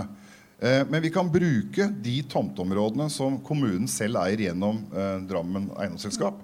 Det kan vi bruke til sånne prosjekter. Men da må vi bare ta et politisk valg. Skal man betale det det reelt koster i leie? Eller skal kommunen gå inn og gi bidrag for at det skal være rimeligere? Det er jo en egen diskusjon. Da har jeg lyst til å gå til deg, Mats eh, Hillen fra Arbeiderpartiet, som øh, øh, i dag eh, kjenner Svelvik bedre enn det jeg og sikkert mange i, i panelet gjør, men som også kommer til å få en ganske mye større, et større areal. Det som Fredrik Håning eh, sier han kan være villig til å være med på, vil det skape nok boliger? Vil det få opp farta nok, og vil det skape det utbudet øh, med en sånn differensiering at folk fra Svelvik, folk fra Nedre Eiker og folk fra Drammen kommer til å ha mulighet, råd til å, å, bo, å bosette seg her, i tillegg til de vi ideelt sett skulle tiltrekke oss. Kort og enkle svaret er dessverre nei. Um, og så er det en ting til her. Vi blander veldig ofte boligsosiale tiltak for, fra vekst. Uh, og vi må klare å skille mellom de to. For vi går tilbake, Du gikk tilbake nå Fredrik, til sosiale støtteordninger. Og de, de løser ikke vekstutfordringene. Og Den magiske oppskriften har vi fått presentert her i dag. og Det er jo rett og slett å gjøre innstegsprisen tilgjengelig og på et OK nivå. Utfordringen for de som du nevner nå, Katrine, fra Svelvik og Nedre Eiker, er at de har kjøpt et annet marked og, og rett og slett eh, løpt, har løpt fra dem. Og, og her har vi en problemstilling som barnefamilier kan oppleve i Drammen. Hvis du bosetter deg i Drammen i en leilighet, og så flytter ut i en periode fordi du har små barn, så har da boligmarkedet løpt fra deg i mellomtida. Og det å komme tilbake igjen på det nivået du skal tilbake, det er rett og slett umulig. Og For å klare å ivareta de gruppene også innenfor egen kommune og, og ivareta en mobilitet i de forskjellige livsfasene, for å få de blanda bomiljøene vi ønsker, eh, så vi er nødt til å gå igjen mye sterkere med mye sterkere tiltak enn det som er nevnt her tidligere. Hva vil du gjøre? Hvilke verktøy har du? Ja, altså, vi var tidlig ute og anerkjente utfordringen eh, når vi jobba med programarbeidet. Eh, Litt også fordi det var tre kommuner som ble én, og da så man på disse forskjellige perspektivene man hadde. Eh, Og programfesta en del tiltak. Eh, Nå lanserte jeg og Arve Vannbo i går også en del sånn helt konkrete tiltak. Men det, det vi ser da er at du må jobbe på flere områder. Og du kan ikke kjøpe deg fri fra eh, tiltakene med enkeltløsninger som sosial eh, boligbygging. Samarbeidet med utbyggere er helt vesentlig. Det er det essensielle i denne sammenhengen. her. Og det har vi også sett flere ganger, at det gir en veldig god effekt når kommunen er en tilrettelegger. Vi konkurrerer nå med mye DAB, altså, da, eh, altså Asker og, og Bærum, eh, som, som da blir da regionen vår. og de har i utgangspunktet gode løsninger for næringsutvikling. Og de næringsutviklingsløsningene spinner rett over på boligmarkedet. For det er en direkte sammenheng her nå mellom næringsutvikling i Drammen og boligutvikling. Hvem er det du sier har de gode løsningene? Nei, hvis du ser innom mot Asker, så har de en, et tettere samarbeid med de som kommer for å bygge ut. og Det kan Ja. sikkert da Hotvedt og tilsvarende bekrefte. Eh, det vi må klare å få på plass her nå, er å aktivt bruke eiendomsselskapet vårt. Eh, også i, drive aktivt oppkjøp av tomter, og så kan vi da utvikle sammen med private utbyggere. Vi skal sette mye tydeligere krav til utbyggerne i de planprosessene som legges opp. Eh, og da skal nettopp denne visjonen og denne ideen for hvordan kommunen skal være, ligge til grunn. Vi lager nå en ny kommune med kommunedeler, og der er stedsutvikling helt sentralt. Og da har vi lovt alle disse stedene at de skal få lov til å utvikle seg, få lov til å utvikle sin karakter. Og for å kunne utvikle sin karakter så må du ha innbyggerne med på lasset. Eh, hvis vi tar Marienlyst-saken som et eksempel, da, så setter man i gang en stor prosess med byggeplanlegging og alt, og så kommer man ut og spør innbyggerne i en helt eh, siste fase og får en tilbakemelding som sier at dette var ikke noe som skulle vært satt i gang. Så først må du begynne ute, og så må du begynne å bygge opp disse lokalmiljøene. Men nå vet jeg at du ikke har sittet i Nedre Eiker direkte, men jeg må nesten uh, ta et sånn oppfølgerspørsmål. For i Nedre Eiker har jeg blitt fortalt at der har man uh, hatt Arbeiderpartistyre. Men man har allikevel klart, uh, etter hva jeg hører, å nærmest forbigå en hel generasjon på boligmarkedet. Fordi man ikke har klart å bygge riktige Man har ikke bygd leiligheter, man har ikke fått bygget den type størrelse hus som nyetablerere har råd til å kjøpe. Det har blitt eh, like dyrt eller dyrere å finne en enebolig i Nedre Eiker eh, som i Drammen. Ganske enkelt fordi det ikke fins det der mellomsjiktet. Altså, hva, har skjedd der? Har dere, har dere sovet i timen? Har dere glemt, eh, glemt, dette her? Er dette noe, noe nytt dere kom på nå? Jeg, jeg, tror nok man har gitt for stor tiltro til markedet. Drammen sentrum er også et godt eksempel på det. Altså, vi ønsker å få liv i sentrum, vi ønsker å få et, eh, et levende sentrum som skal være et kultur- og møteplass for hele den kommunen. Og samtidig så ser vi en fremvekst hvor det er eldre og eldre mennesker som flytter inn. Eh, og så sekundært da, så kommer det klager på støyen fra det livet som vi prøver å skape. Så vi, vi lar markedsmekanismene styre eh, hvor boligene bygges. I Nedre Eiker så har det nok vært også mange som frigjør eh, eneboliger for å flytte inn i disse litt dyrere leilighetene. Og det gir jo en, et tilsig, mm. men ikke da i et tempo som gjør at man klarer å mette veksten. Ja. En sånn stor bekymring for oss er jo nettopp da at man faktisk blir tvunget til å flytte fra et område man ønsker å bo i, Eh, og bli pressa ut av et marked mm. uh, i en fase hvor man trenger å ha familie nært. Og dette handler om dette med å ha et, et trygt oppvekstmiljø hvor du, hvor du, kan få lov til å bo og bevare vennekrets og ha familien nær ja. deg. Vi har øh, flere på lista. Jeg hadde lyst til å spørre deg, Tony, øh, som kommer hit med et, øh, et ganske sånn ferskt manifest i, i, hånda, som du vifta med i stad. dere er flere som har snakka snakka sammen uh, for å kanskje ta litt grann, uh, grep om de uh, utfordringene vi ser. kanskje med utgangspunkt i, i Drammen og sentrale strøk, først og fremst. Kan ikke du bare fortelle hva det er? Det stemmer. Det er først og fremst Arbeiderpartiet, SV og MDG. da. Um, vi har ja, du kalte det manifest. Er i hvert fall en visjon som vi har, vi har blitt enige om. Uh, at flere skal få mulighet til å kjøpe egen bolig. Det er jo for så vidt alle her enige om. Uh, men så er det konkrete verktøy. F.eks. For et forsøk der kommunen krever at en gitt prosentsats av et nytt boligprosjekt er utleieboliger. Ja. Det kan kommunen kreve. Det er et uh, verktøy som ble nevnt for oss her i stad av en av de tre I plan- og bygningsloven ja, åpner for det? Ja. Nemlig. Um, og så er det byøkologisk forsøksområde. I så måte naturlig å peke på Sunnlandsområdet, sier vi, eller Tangen, som et område der det er mulig å sette av et område til et såkalt byøkologisk forsøksområde etter modell f.eks. Trondheim. Sånn som eh, Svartlamoen, sånn ja. som hun nevnte, at man kan etablere seg i litt alternative ja. sameieformer, hvor man er flere som deler på uh, både gleder og ja, uh, plikter. og det, det, er kanskje det som skiller oss uh, for å gjøre det tydelig da, fra, fra Håning-siden, så er det altså at vi ønsker sterkere regulering. Vi ønsker å bruke mer av de verktøyene som ble nevnt i stad. i innledningene, dere, mer konkret. Kan dere putte det inn i en sånn eh, boligsosial plan, da, som man uh, kan sette seg ned og prøve å bli enige om uh, i starten av, av, arbeidet her, sånn som Fredrik Honning var inne på? Eller ja, absolutt. Det kan vi være med på. Uh, og så har vi skrevet her og så skal jeg nevne en ting til. Uh, så blir Det tredje. Det skal gjennomføres et prosjekt i kommunal regi der kommunen gjør klar kommunale tomter for bygging og deretter innhenter anbud på selve byggingen. Det er også at kommunen kan kjøpe tomter, og da blir, da blir prisene billigere. Et eksempel er jo Sandnes kommune, ja. som ble nevnt her i stad. De kjøpte opp tomter og solgte til private utbyggere. Da ble boligene 15-20% billigere enn ellers på markedet. Ja. Mm. Det er konkrete verktøy som kommunen kan bruke.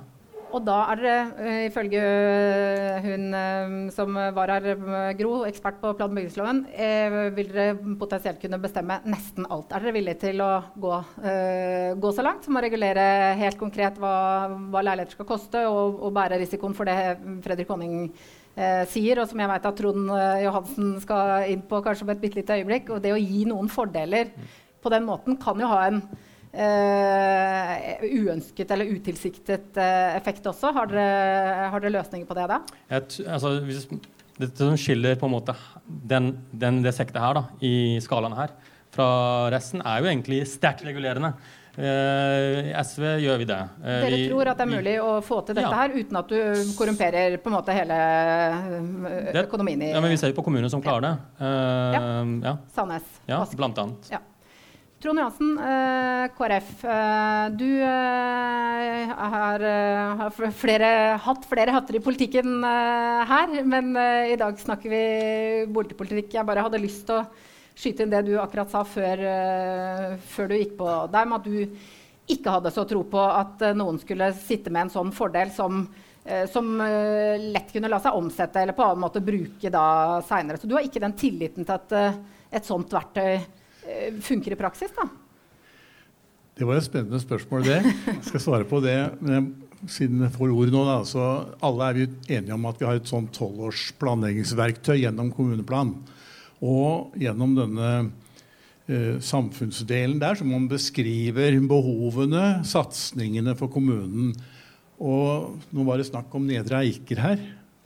Og jeg tittet gjennom den før jeg gikk, og der står det altså om man har jo visjoner fram mot 2050 med fem satsingsområder. Det er ikke bolig.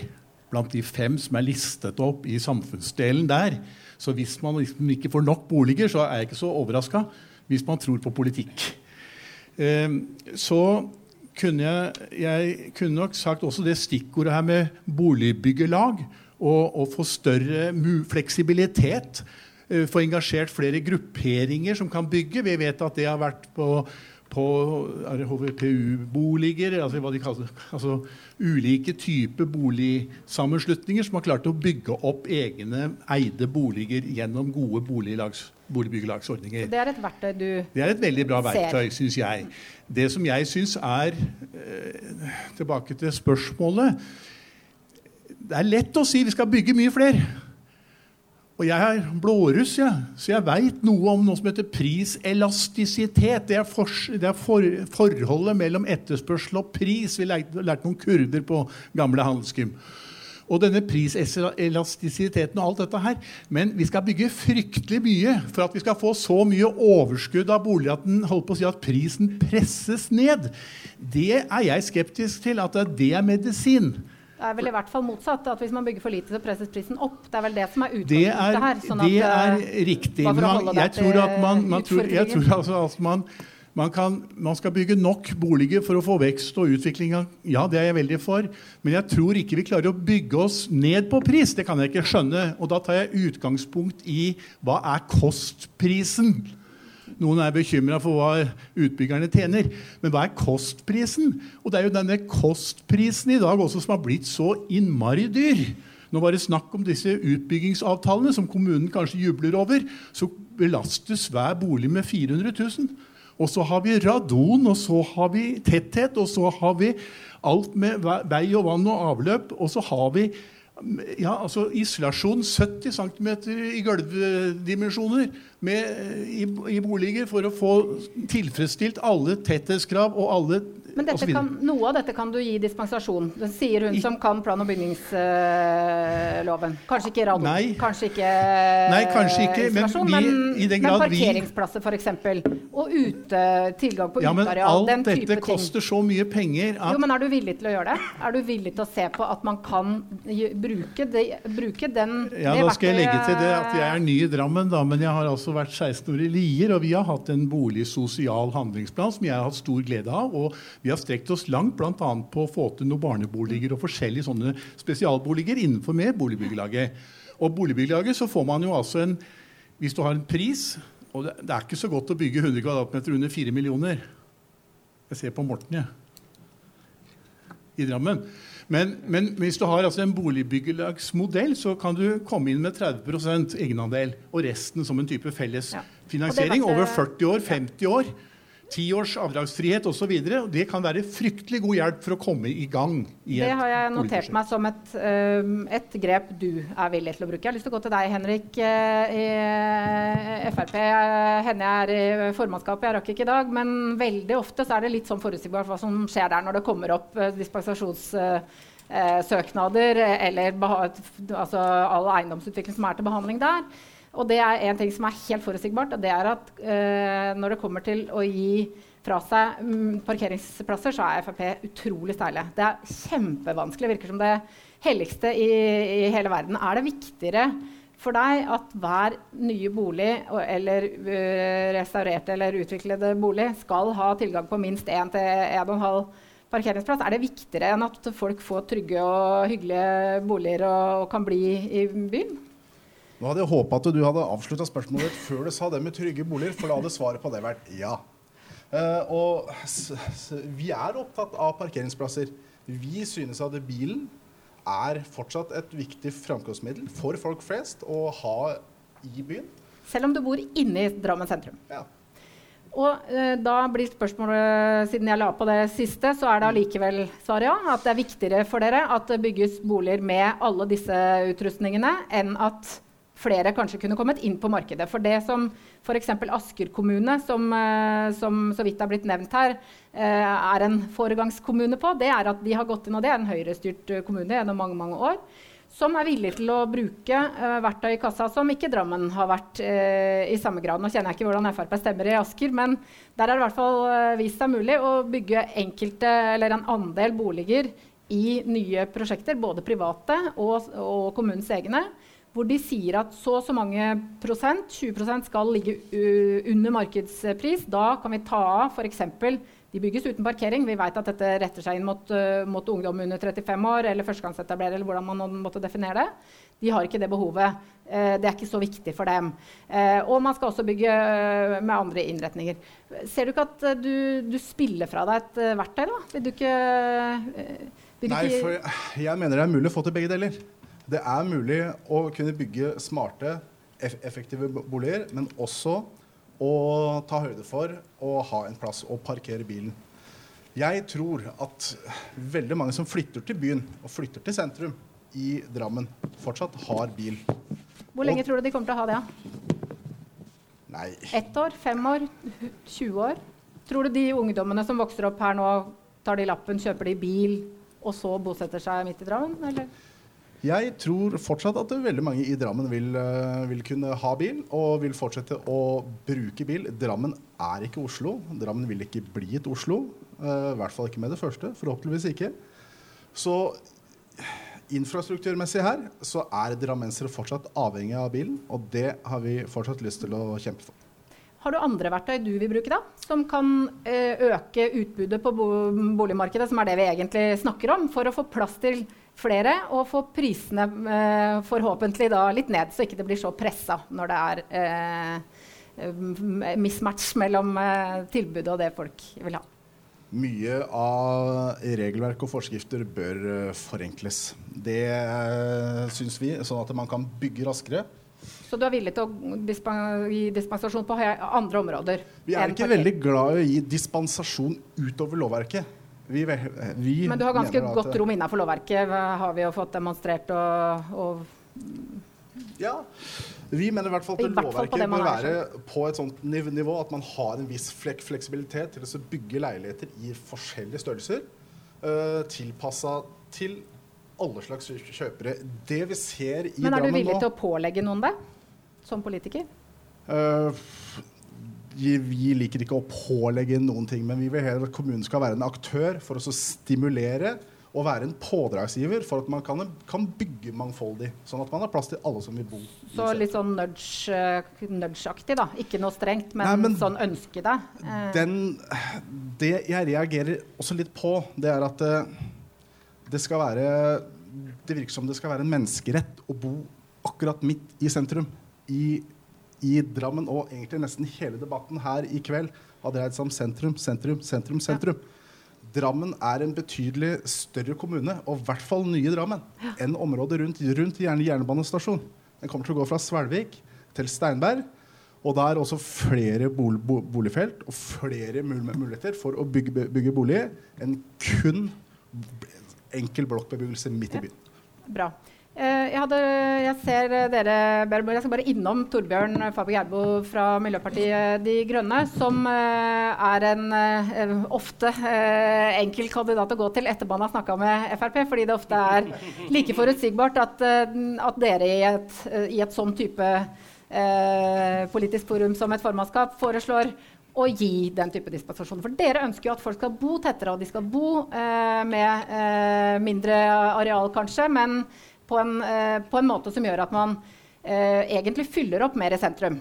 Uh, ser du at det Eller har du, har du, en måte å, å, forsikre velgerne og oss som bor i Drammen, om at det ikke er med på å presse prisene, sånn som hun var inne på? At man gjør faktisk den segregeringen enda større ved å gjøre det så viktig og så bra å bo ved knutepunktene at de andre faller faller helt fra. Har dere en medisin mot det? Dere, hvordan tenker dere når dere sier fortetting, fortetting, fortetting? Ja, det har vi selvfølgelig. Vi ser hvordan man gjør dette i andre land, f.eks. i Freiburg i Tyskland. Eh, det er viktig å få billige eh, boliger, men de trenger ikke nødvendigvis ligge midt i sentrum. Et sted som travbanen, Berskau, ligger på, på kollektivaksen mellom, mellom eh, Drammen og, eh, og Mjøndalen. Eh, det ligger med et, et, senter rett ved siden av. Det er et sted der man kan tenke bygge på en annen måte. Man kan bygge eh, ja. Vi vet at barnefamiliene er på jakt etter bakkekontakt. De ønsker seg en, et, et rekkehus. Men hva med å legge to etasjer til oppå der til de andre? Så kan man blande eh, blande eh, aldersgrupper, for det er, det er, viktig. Det må både være eldre og det må være yngre. Det må være folk som kan leie, det må folk som kan, være, kan eie. Og de kan bo i samme område, men de har ulike behov for, eh, ja, for ulike, legger vekt på ulike bokvalitet. Det viktige her er jo å få bilen bort. Bilen tar veldig mye plass, og den plassen kan brukes til noe annet. Bilen skal du få bilen ned i bakken, så koster det 300 000 for en, eh, per biloppstillingsplass i kjelleren. Det ligger man rett over på utbyggeren, eh, på kjøperen. På kjøperen, ja. Blir det vel ofte. på kjøperne, rett og slett. Eh, og jeg tror ikke noe på det, at man alle vil ha bil. Vi, vi har Hvis man bor Hvis vi har en sånn stor, en sånn viss tetthet der, som vi kan få på, ved å bygge på denne båten her, relativt tett og, og uten bil, nært eh, et senter, så danner man et grunnlag for et lokalt marked for barne, barnehage. Kort vei til skole. Det er sykkelavstand inn til sentrum. Det er ikke så langt. Det er eh, buss som kan gå ofte. Man trenger ikke den bilen i hverdagen. Og hvis man trenger den, ja, da kan vi ha et et eh, parkeringshus hvor man, de som trenger den bilen, kan ha den der. Håndverkeren. Et på Berskau, eller et på hele Åsia, eller et i hele Drammen? På, et på den, den, et på den blokka? På det utbyggingsområdet. Ja. På det området. Og i tillegg, vi har nabobil og vi har bilkollektiv hvis du trenger å på, komme deg på Ikea. Men de er ikke så godt i gang i Drammen ennå, har jeg registrert. Men, nabobil er i gang. Ja. Det er i gang, men det er ikke så utbredt ennå. Uh, uh, ja, jeg lar deg he henge litt der, fordi Jørgen Wilhelmsen har bedt om ordet. Og jeg hadde lyst til å, som jeg sa innledningsvis, du er vel den som kanskje har en helt konkret plan om at det går fint an å utnytte også den andelen av ikke utnytte, det ville vel aldri du brukt som ord, men å bruke som ressurs den delen av boligmarkedet som faktisk er folk som leie bolig. Eh, for er det så viktig som alle skal ha det til her, å eie boligen sin eh, sjøl? Nei, jeg tenker at det ikke er et mål i seg selv at alle skal uh, eie sin egen bolig. Jeg er veldig enig med mye av det som Leieboerforeninga dro fram. Vi, vi, er nødt til å sørge for at det er mulig for folk å, å også leie bolig i, i, Drammen. Og si at det er ikke det eneste saliggjøre at man skal eie den. per i dag så er det jo sånn at boligprisene enten det er snakk om eh, prisen når man omsetter dem, eller når man leier, er kunstig høye. Altså Det reflekterer jo ikke kostnaden, byggekostnaden eller vedlikeholdskostnaden. Og jeg tror Blårussen er helt rett i at vi kan ikke bygge oss ut av eh, det eh, problemet som markedet har skapt. Altså Prisene går ikke ned av det. Hvordan skal du Vi, få vi mener at øh, altså, øh, dette som, som Tony presenterer her, her er det mye spennende. Vi tenker at det offentlige, altså kommunen, må fram med de tunge kanonene. Eh, og- vi mener at man skal jobbe intensivt med det å utvikle en tredje boligsektor. Og så kommer det selvfølgelig med en gang om at det blir eh, priser under bordet og sånn. Det er fullt mulig å få til uten at dette blir omsatt uten, under bordet. Men vi ser for oss at en vesentlig andel av leiligheter eh, blir omsatt utenfor markedet. Altså at det ikke er eh, prisen i boligmarkedet som regulerer. Du kjøper en leilighet etablert gjennom et boligbyggelag f.eks. Og så er prisen reflektert av hva det faktisk kosta å bygge den, og ikke profitten. Men- Og når du selger den igjen, så får du med deg eh, lønns- og prisveksten. Helt konkret, hvordan skal du gjøre det? Skal det være ansiennitetsbasert? Bruker du boligbyggelagene som Trond Johansen Ja, er ja, inne på? bruke- hvordan hvordan skal du bruke- få til dette i praksis? Da kan du bruke boligbyggelagene, eller kommunen kan begynne å, begynne å bygge dem. Eh, Altså, poenget er ikke nødvendigvis hvem som kommer først inn i den køen, men vi må nødt til å komme ut på boligmarkedet med alternativer til de to løsningene som er per i dag. Det ene er boliger som du eier, eller det andre er boliger som du leier. Så du er nødt til å gjøre sånn som Arbeiderpartiet, MDG og SV sier her, at vi må, vi må ha eh, eh, disse alternativene. Men vi er nødt til å gjøre det i ganske massiv skala for å gjøre noe med den skjevheten skala, mener du at kommunen skal Ja, eie det i massiv skala? Enten at boligbyggelagene gjør det, eller at kommunen gjør det. Jeg er helt for at kommunen bygger Ikke det private leiemarkedet skal ikke bli mer massivt enn i Jeg ser ikke at det eh, nødvendigvis fører til noen bedre løsning. Jeg tenker at kommunen kan gå ut og bygge i mye større grad enn det man eh, gjør eh, i dag. Ja. Og så er det selvfølgelig også sånn, siden vi er inne på dette med, med eh, leieprisene det at kommunen som den største aktøren på leiemarkedet opererer med gjengs leie, eh, er jo helt horribelt. For det betyr at eh, kommunen som eh, eiendomsbesitter er med på å drive prisene på boligmarkedet oppover. Så det må vi slutte med. Den debatten veit jeg at vi kunne tatt en, eh, en egen kveld på. Anders Wengen har ikke fått eh, ordet enda i Venstre. og Du skal få eh, det privilegiet å få ta ordet sjøl, mens jeg finner hva jeg egentlig skulle spørre deg om. Ja, det var jo veldig fint. Altså, Nå er vi over på debatten. med, med unntak av siste taler, så er det jo veldig mye her som er, som er, eh, er, er fornuftig, tenker jeg. Og egentlig så er jo partiene enige om ganske mange forskjellige ting. Det som jeg tenker er litt viktig å ha med seg, det er at altså, vi snakker om fire ting som vi skal løse med, med boligbygging. Vi snakker om fordelingsmekanismene. Altså, det har vært en økende fordeling mellom fattig og rik siden 80-tallet med skiftende regjeringer. Det skal man løse med bolig. Klima, sirkulære økonomielementer skal inn i, inn i dette. Folkehelse, trivsel, livsløp skal inn i dette. Næringspolitikken er også en del av dette. Så det er veldig mange ting som... Det høres ut som skolen, nesten. Som ja? Det er veldig mye som, som vi liksom tenker skal løse alle disse forskjellige utfordringene. Og da er det to ting jeg tror, er viktig. Det ene er at vi kan ikke ha veldig mange universelle løsninger. Vi er nødt til å se for oss ulike løsninger på ulike steder. F.eks. For i forhold til parkeringsnorm. Vi kan ikke ha parkeringsnorm som skal gjelde alle utbyggingsprosjekter. Vi tok til orde for at vi skulle ha en maksimumsnorm og ikke en minimumsnorm i forhold til, parkering. Men at vi rett og slett er fleksible i forhold til det. Og alle andre på en måte overordna regulerende tiltak. Det andre er at vi må gå veldig raskt i tett dialog med de som bygger og driver denne type. Er dette noe du ville slått fast med en gang, sånn som Fredrik Honning var inne på innledningsvis? At uh, nå bare setter vi liksom premissene med en gang? Eller skal du mm, bringe opp dette på, på prosjekt etter prosjekt? For det er jo ikke sikkert at eh, du vil Eller vil du regulere alle eh, prosjekter? Ja, jeg, jeg vil at det offentlige skal være med som en, som en aktiv I samarbeidspartner alle på alle, i alle prosjekter. Men jeg vil at vi skal være mye mer proaktive som kommune. Jeg vil at vi skal gå inn sammen med eiendomsutviklerne så skal vi se ja, hvordan kan vi løse dette på best mulig måte for at vi får løst de utfordringene som vi har i kommunen. For eiendomsutviklerne har jo også et ønske om å bidra positivt til byen. Ja, det har vi jo sett. Det er jo ikke sånn at de der er bare blåre som er opptatt etter eh, profittmaksimering. De vil være med å utvikle, og vi vil være med å utvikle. Og jeg tror vi har veldig veldig mye mer å hente på å gå inn i den dialogen. Litt sånn som man gjorde i Drammen for ti år siden. Da gjorde man jo nettopp det. Da var man proaktiv på den måten. Fredrik Honning, for ti år siden satt eh, Høyre også ved makta i Drammen. Hvorfor er det sånn at Høyre-styrte kommuner som, eh, som Asker og Stavanger har vært så mye villig, mer villig enn Drammen til å, til å gå inn og, og bruke verktøyene og, og være strenge og, og planlegge og til og med kjøpe opp og eh, å forvalte eiendom sjøl. Hvorfor, hvorfor, hvorfor, får de til det, eh, og ikke Drammen? Det Er jo ikke fint at jeg står her? Fordi jeg har bare vært med i fire år. Så jeg slipper å svare på det som har skjedd før. Ja. Men, men, og jeg har nok en litt annen holdning til dette. Altså, jeg kommer jo fra eiendom. Så jeg kjenner jo mekanismene, og jeg vet litt om lovverket og vet hvordan det fungerer. Og Derfor så har nok jeg en litt annen inngang enn det en del andre Høyre-folk har hatt tidligere. Jeg skal bare si en ting, at eh, Når du snakker om dette her med, med, å komme tidlig inn i markedet Snakk om det sted. Vet dere hva Trygve Hegnar uh, har sagt for noe? Han er jo en veldig flink kar, og han har jo tjent veldig mye penger. Men han sier det er én ting som er det beste og viktigste han noen gang har gjort. Og det var at han kjøpte seg bolig i ung alder. Han kjøpte seg en, en husbankfinansiert bolig i ung alder.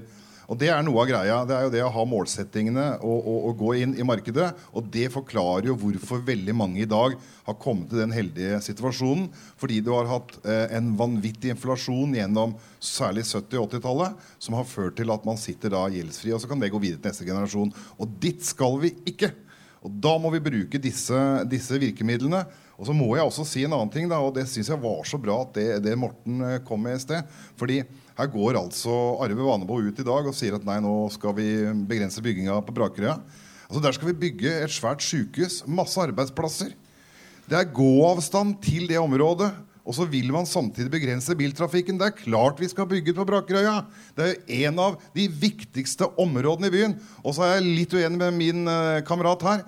Mye av det kan vi faktisk da bygge uten garasjeplasser eller parkeringsplasser. Fordi det er gangavstand til, eh, til, byen, det er gangavstand til jobben. Det er et fantastisk sted å bygge masse, så jeg er helt uenig med deg. så eh, må jeg bare følge opp eh, mens du står der. fordi at eh, jeg nevnte innledningsvis Du var veldig imot i 2015 å etablere det som kom i 2016, nemlig et kommunalt tomteselskap. Nå er det etablert. Eh, Drammen kommunal eiendomsutvikling, er det det heter. Eh, og de har eh, flere tomter som de har overtatt eller kjøpt da, av Drammen kommune, som de nå forvalter. Og nylig så har de satt i gang et, et, eh, et område på Konnerud som de sjøl skal utvikle. Det er ikke satt ett kriterium fra kommunen om hvordan det skal bygges på det området. Eh, hvis du har så annerledes eh, innstilling enn det dine tidligere partikolleger har hatt, hvor var du da man snakka om det? Når var, når var du når ja. Brå brakk staven? Nei, du eh, eh, burde, det, burde, ikke det vært et, et utstillingsvindu da, for å, for, jo, for få opp liksom, ja, denne Jeg er helt enig med deg. altså Prinsipielt så var jeg imot det av den årsaken at hvis det er en målsetting at det selskapet skal drive og kjøpe opp tomter for å omfordele verdier Vi har historier om sånne tomteselskaper som gikk inn og nærmest truet uh, private grunneiere til å selge, for de sa at ellers så får du aldri omregulert det. Så her har jeg massevis av historier. Men nå har vi det selskapet, uh, og da bør vi i hvert fall bruke det positivt. Og da mener jeg at vi absolutt skal bruke det i en boligsosial sammenheng. Altså at vi får utviklet områder som, som det selskapet eier i dag, på en måte som uh, skape flere forskjellige former for boliger og i forskjellige prissegmenter. F.eks. på Konnerud, er du villig til å gå inn hvis man hadde hatt mulighet nå til å gå og se på den avtalen en gang til og gi dem Absolutt. klar løpeordre på hvordan det skal bygges? Absolutt. Og det er derfor jeg også sier at ved å ha et tidlig planarbeid her i forhold til en, en, en, hvordan vi skal gjøre boligutviklingen i hele den nye kommunen, så legger vi premisser for en del områder, for en del strukturer, for typer osv tidlig i den viktige planprosessen vi skal inn i med ny kommuneplan i, i nye Drammen. Helt klart. Eh, Simon Noranger har ikke kommet til ennå, Senterpartiet. Du er vel en av de som også skiller deg litt fra, fra, massen her, ved at du helt innledningsvis ikke vil bygge noe særlig mer sentrale strøk. For du mener, eller dere mener i partiprogrammet deres at det å bo i fuglekasse ikke er noe fullverdig liv. For alle, i hvert fall.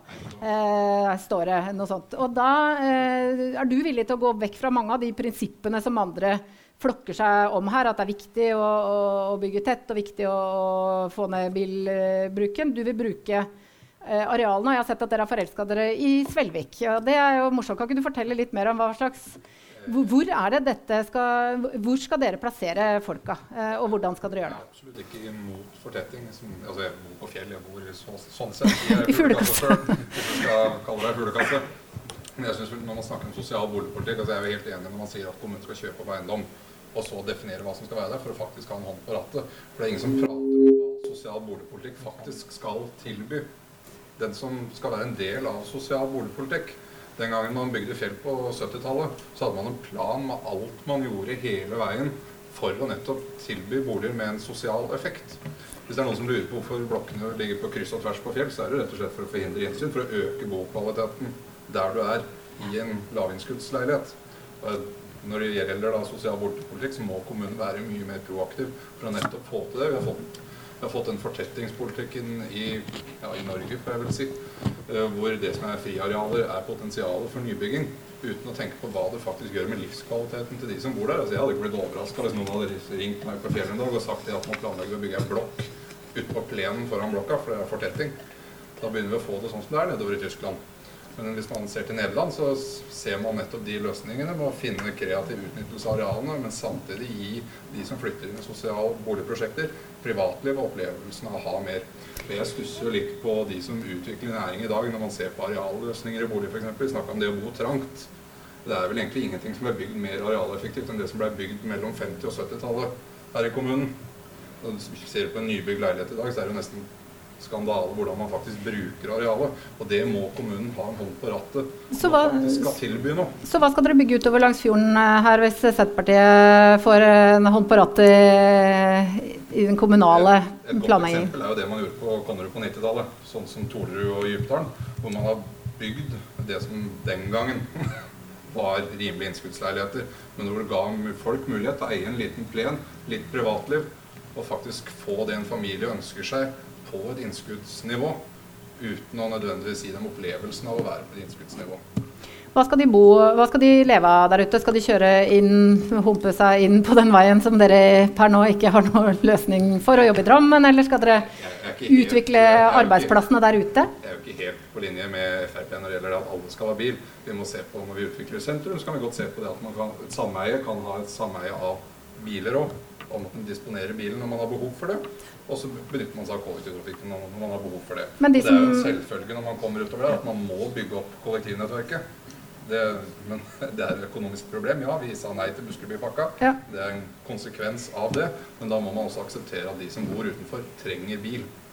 Ja, Så svaret på det er at de skal ikke få altså Nå blir det litt sånn de, det var ikke sånn ment. Uh, unnskyld, Svelvik. Men uh, de ser for seg da en, en utbygging på vakre omgivelser ut mot fjorden i Svelvik, men ikke noe vei de kan kjøre til jobben på. Da, da må det bety at arbeidsplassen skal komme dit. Ja, vi vil gjerne arbeidsplassene til Svelvik. Det ville ja. absolutt vært det flotteste vi kunne fått til. Og vi la folk jobbe der de faktisk Men hvordan? Nei, Nå finnes det jo næringsarealer som er omregulert i Svelvik, som er disponible. Men de er ikke tilrettelagt for ferdig utbygging. da, kan du si. Så Kommunen kan godt ta et initiativ der og faktisk legge mer til rette for næringsutvikling der folk bor. Det er jo bra. Eh, Tone har bedt om ordet, og så Fredrik. Ja. Um, hun fra Gro Hansen fra Oslo OsloMet NMBU som snakka her i stad, hun snakka om kompakt og miljøvennlige eh, boliger. Ja. Og sosialt bærekraftig. Og mye av det som snakkes her om parkeringsplasser. Jeg fikk litt høy puls når Frp hadde ordet. Uh, nå begynner jeg å roe meg litt. Men uh, sa, han sa det er menneskerett. Noen tror at å bo i sentrum. Men han snakker som om det er menneskerett å, å, eie bil i sentrum. Det er det ikke. Uh, alle jeg kjenner, om det er par eller single, de som bor rundt byen og litt utenfor, de enten går, sykler eller har kollektivtilbud selv om de har bil når de skal inn til sentrum. Så jeg ser ikke helt det behovet. Og der tror jeg vi har flere enige her om at vi kan fjerne en del parkeringsplasser eh, i sentrum. Så vi på det kartet her i stad som ble vist av London, så var det jo fantastisk fint. Når de hadde fjerna, og det ble grønt og fint. Og det, det, fører også til at folk vil bo mer i sentrum. da. Så det, De henger sammen, samferdselspolitikk og boligpolitikk. En siste ting der om by- og stedsutvikling. Der har vi programfesta å tilrettelegge for grønne tak og takhager. Det tenker jeg også bidrar til at det er trivsel og det er fint å bo. Det var Hotvedt inne på. Det skal være for alle mulige folk. Ja. Um, jeg, jeg, har masse å si om leiepri... Leie, kan komme tilbake til det, ja, men okay. Eh, du fikk en replikk uh, fra Simon Noranger på vei bort her. Ja, jeg har forståelse for at man skal kutte parkeringsplasser. Enda nærmere. Ok. Det forklarer det. Eh, I og for seg full enighet mellom meg og deg at vi må kutte i parkeringsplasser. Men skal det også være sånn at hvis jeg flytter til byen av et sted hvor han har bestemt at vi ikke skal eie parkeringsplass, skal jeg også miste rettigheten min til å bruke hytta Altså, hvordan, jeg kan ikke leie bil for tre dager eller fire dager eller fem dager for at den skal stå stille på fjellet i fire dager. Der kommer disse løsningene som eh, ble nevnt eh, Kort løsning. her. inn. Nei, du kan ikke svare på replikken. Beboerparkering. Eh, Eh, Fredrik Anne. Ja, jeg syns bare det var litt morsomt i forhold til dette her med hvor vi skal legge boligene. Fordi eh, veldig, Dette er helt ferskt altså, fra formannskapene nå i ettermiddag. For det er gjennomført en spørreundersøkelse om boligpreferanser i forbindelse med da planarbeidet for Gullskogen nord, som er et sånt stort transformasjonsområde her oppe. Og da ble det jo stilt, spørs stilt flere spørsmål da, til, til en, en referansegruppe. Stor referansegruppe. Og så fikk man følgende svar. Jeg vil bare at dere skal høre på det. Folk vil ha følgende.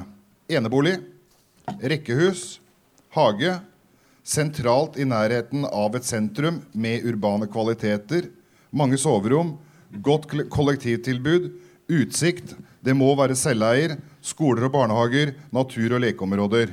Og alt sammen da i urban sammenheng.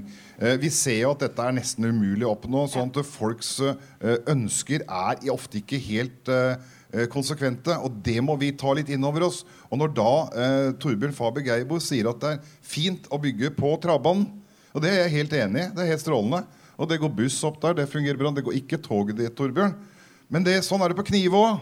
Knive er også et område så- eh, som ligger i en bydel, en av de nye kommunedelene. Hvor det er buss, og hvor det er et sentrum med idrettsanlegg og skoler. Og det skal bygges enda mer skoler. Et flott sted. Men der går MDG helt imot. Hva, og det må du svare på. Hva er forskjellen på, eh, på travbanen og på Knive? Hvor er den store forskjellen når begge kollektivtilbudene er med buss? Det skal du få svare på. Ja, det er vel bare å se der. Når du er på Berskau på travbanen, så går du over den gangbrua, og så er du på senteret på, på, på, på åssiden. Det er ganske nærme. Bussen går svært ofte. Den kan gå enda oftere i en ny, ny kommune. For det ligger Rosenkrantz trodde jeg du skulle si noe, men eh, ja. en, en, er fort, en er oftere i Rosenkrantz gate, som en, en streng gjennom den nye, den, den nye kommunen. Eh, på Knivåsen ja, det, er, eh, det er såpass langt opp til Knivåsen at førsteklassingen har skoleskyss for å komme til skolen. Det er, ikke noe, det er en barnehage der, det stemmer. Det er ingen eh, butikker i, på Knivåsen. Den nærmeste er på Åskollen eller i, i Kobbervikdalen. Og den bussen den går hvert, hver halvtime i eh, vanlig drift. Den går ikke før 11 på, på søndager. I rushen går den hvert fjerde minutt. Det er en ganske vesentlig forskjell. Og jeg, jeg bor på Åskollen. Jeg ser hvor mange som kommer og bringer barna sine med bil til, til skolen. Det tror jeg er lettere på hvis du bygger på Berskau. Det har du en løsning på? Ja, men det er nettopp det som er poenget. Ved å gjøre en utbygging på Knive, altså da har man avsatt 800 mål til boligbygging. Og ved å bygge da rimelige familieboliger, sånn som rekkehus, sånn som leiligheter, eh, på en annen måte så får du mange flere mennesker dit. Du har idrettsanlegg, du har skoler, du har barnehager, du har butikker. Og det dannes grunnlag for enda mer vekst i den kommunedelen. Og da blir det selvfølgelig også mange, mange flere bussavganger. Hva er den store forskjellen, Gerbo? Ja, det er igjen. Har du vært der ute og sett hvordan eh, terrenget er? Hvor mange løkker skal den bussen gå frem og tilbake for å få, med seg alle sammen?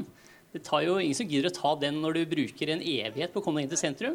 Nå er vi veldig lokale Så, eh, det- her. eh, det er, Og i tillegg, nei, det, hvis du bygger på Berskau tett inntil der det allerede er et veldig sterkt tilbud, så, så bruker de som er det der, det tilbudet som er rett ved siden av.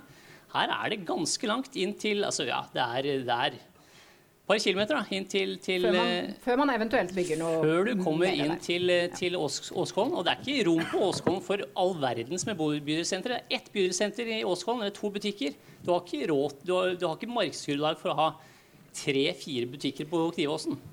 Vi skal eh, hjem igjen. holdt jeg på å si. Du fikk ikke så mye fritt eh, ord i stad, som er et av mine favorittbegrep, så du skal få lov, eh, Henrik, til å eh, komme inn her. Takk. Synes vi, nå syns jeg vi er inne på noe veldig interessant. Uh, Senest i mars så var det vel et intervju med nåværende ordfører Tor Otto Hansen. Da at uh, han var over, overraska over Drammens lave befolkningsvekst. Det var eh, egentlig sjokkerende lavt. Eh, og påpekte det at eh, det er jo Lier og Asker som stikker av gårde med den eh, veksten som Drammen skulle ha hatt. Når vi snakker om uh, den undersøkelsen der som du viser til, uh, Fredrik, så syns jeg det er veldig bra. For det er det og vi og jeg i Frp har mistenkt egentlig ganske lenge. Derfor så mener jeg at Drammen har her Hva er det dere har mistenkt? At folk vil ha mest mulig? Eller Nei, at, mulig bolig? At eller? folk som ønsker å flytte til Drammen, søker etter småhus, ja. de vil ha rekkehus. De vil ha et alternativ til Oslo. Ja. Og det jeg, og det er jo her vi har en gyllen mulighet til å få kommunen til å vokse på en organisk, god måte. Ikke på å prøve å etterligne Oslo, men på å skape et eget alternativ der folk har gode kollektivavganger, samtidig muligheten til å bruke bil på hytta, som du, du var inne, inne på. Men, så, det med kollektivavganger nå, som er en utfordring i seg sjøl, med buss, da, som egentlig er det eneste kollektivtilbudet vi har her i Drammen, det er at det bor ikke nok folk til å ha hyppige nok avganger, sånn at folk syns at det er et tilfredsstillende tilbud. Det må vi la hvile. For jeg har lyst til å bare følge opp med én ting. Du snakker om, og den ba du litt om, eh, hva vi alle sammen her eh, kunne ønske oss hvis vi virkelig fikk eh, velge på øverste hylle. Men Drammen ser jo ikke sånn ut. Drammen ser ut sånn at i median inntekt så har en eh, singel aleneboende i Drammen uh, under 300 000 i inntekt. Og en enslig mor eller far med barn har under 400 000 i medianinntekt i Drammen. Par med barn eh, ligger rett under 800 000. Eh, og ja, så er det noe imellom der. Det er, det er, ikke så ulikt faktisk i Nedre Eiker og Svelvik heller. Det er befolkningsgrunnlaget ditt. Mm. Eh, alle de kan ikke bo på de der hageflekkene Nei. og bygge seg de boligene med to parkeringsplasser. Og, og, og da er ikke bussen problemet. Hvem, hvordan skal disse hvem, Nei, Hvem er men, du politiker for? Er du politiker for disse? Skal du serve dem så de også får bo her? Jeg som er politiker for Frp, er politiker ja. for folk flest. Ja, det er det jeg lurer på. Så hva skal du gjøre for disse? Hva skal du gjøre for de eh, enslig mor eller far med 400 000 eh, inntekt? Det som er en utfordring med, med, Drammen, som er egentlig viden kjent, det er jo at Drammen er en lavinntektskommune, ja. og, det, og det har det vært lenge. Ja. Det er en utfordring Bar barnefattigdom, alt det kan vi snakke lenge om. Men det er ikke det debatten her i dag jo, dreier seg om. For hvordan skal de bo i Drammen? Også, hva skal du gjøre for at det skal være mulig å vokse opp i Drammen og bo i Drammen uten at du havner i den fella som flere snakka om her, at du aldri kommer inn på du hadde ikke besteforeldre i piletredet i 1960, og ikke engang hadde du besteforeldre i landet, kanskje. Eh, du har ingenting å, i ryggsekken din når du kommer eh, inn på boligmarkedet. Hvordan skal du hjelpe dem? Det det handler, om, Jeg er enig med utbyggeren her. at eh, Jeg tror vi, vi må mette mar markedet mer. Og vi må bygge mer variert. Vi kan bygge mindre leiligheter. Vi har jo egentlig ganske strenge krav som i utgangspunktet jeg syns er fornuftige, med livsløpsstandard og tilgjengelighetskrav. Men alle leiligheter innenfor, uh, som, som, har en heis og er over tre etasjer med flere bo bo boenheter, bygges med tilgjengelighetskrav med visse dispensasjoner. Altså under 50 kvadratmeter så kan det Da er vi inne på en del byggtekniske ting. Det, det, er, det bør være muligheter for oss å se på muligheter for å bygge flere, mindre, mer vari, vari variert. Så det fins muligheter der. Så litt styring vil du ha. Anders Wengen har venta veldig tålmodig på ordet, har jeg sett, så nå skal du få det. Ja, altså jeg jeg syns at debatten bærer litt preg av at, at, vi diskuterer eh, boligbygging eller stedsutvikling basert på, på, historiske fakta. Og veldig lite på hva vi ser skjer framover nå, i forhold til, både i forhold til at vi får stadig flere eldre, I forhold til at arbeidsmarkedet er på en helt annen måte. Det er flere og flere som bor hjemme. Vi får helt andre typer mobilitetsløsninger. altså Vi snakker om buss som liksom det saliggjørende. Men nå er det jo last mile mobility-løsninger som er liksom det som, som, som virkelig slår igjennom. Altså Det er disse elektriske sparkesyklene, disse her eh, enhjulingene Mindre som, enheter som disse, gjør folk friere i bevegelsen. Som gjør at man kan, nemlig, og man kan bevege seg mye mer ja. uten å være avhengig av bil. Og det er jo den måten vi er nødt til å tenke boligbygging på også. Vi er nødt til å se framover og se ok, hva er det vi skal planlegge for. Nå så vi fra, fra Morten at, eh, at, det som man planla og begynte på for tre år siden eller Det tar tre år før man påbegynner noe til det kommer. Og nå begynner vi med reguleringsarbeidet. Da er vi også nødt til å se framover for hva er det vi trenger. Og det syns jeg ikke denne debatten bærer veldig mye preg av. Det bærer veldig preg av at vi ser på hva er det vi har i dag, og hvordan vi skal tilpasse det. Og så syns jeg det egentlig er ganske uinteressant å diskutere kniver, for det er nå en gang der. Og det er ingen som tar til orde for oss å fjerne det. Ikke sant? Så vi er nødt til å se, det, det ble nå en gang gjort. Men det å lage nye bilbaserte boligfelt nå, det er svært lite fornuftig. Det er både kostbart og det er- stiller veldig veldig store krav til andre enn Drammen kommune. Jeg er fylkespolitiker i dag. Det er vi som er nødt til å bære kostnadene av å få på plass et busstilbud. Det at det ikke er nok befolkning her til å forsvare et godt busstilbud, det er direkte feil. Men saken er at det fins ikke kommersielt lønnsomme busstilbud, så det er nødt til å betales fra det offentlige. Og da er vi nødt til å ta det også med inn i planleggingen. Det blir eh, Ja, det er interessant, men eh, litt på sida. Eh, Fredrik Honning har bedt om ordet, så Ja. skal jeg tilbake i midten her. Nei, fordi når Anders Wengen nå sier at vi tenker på forhistorien Nei, vi gjør ikke det. Den spørreundersøkelsen her den er i all vesentlig yngre folk. Det er unge mennesker som eh, vil ha barn, eh, som vil ha familie. Og de sier at det er disse eh, tingene de vil ha. Men jeg føler jo på mange måter at, at Simon Noranger kommer inn på det som er noe av nøkkelen. Det er at vi har ti nye kommunedeler i den nye kommunen. Og vi har sagt at vi vil utvikle hver av de kommunedelene eh, innenfor egne rammer. Og særlig innenfor da eh, kollektivknutepunkter og knutepunkter generelt. Og da er det jo sånn, og nå skal jeg ikke dra kniv i lolland hele tiden, men det ligger i spaseravstand til alle tilbud. Uh, og det er sånn at uh, hvis du da hadde valgt uh, modellen til Simon og sagt at nå bygger vi rimelige borettslags, rekkehus, kjeda boliger, leiligheter, så ville det være en inngangsbillett for akkurat de menneskene du nå snakker om. Og med da gode bussforbindelser så er det en god løsning. Men du får ikke, selv om du sier det, muligheten til å bygge sentrale leiligheter her på Bragernes eller Strømsø som de personene kan ha råd til å kjøpe. Så vi er nødt til å prøve å tenke boligsosialt med litt større briller enn bare her i sentrum.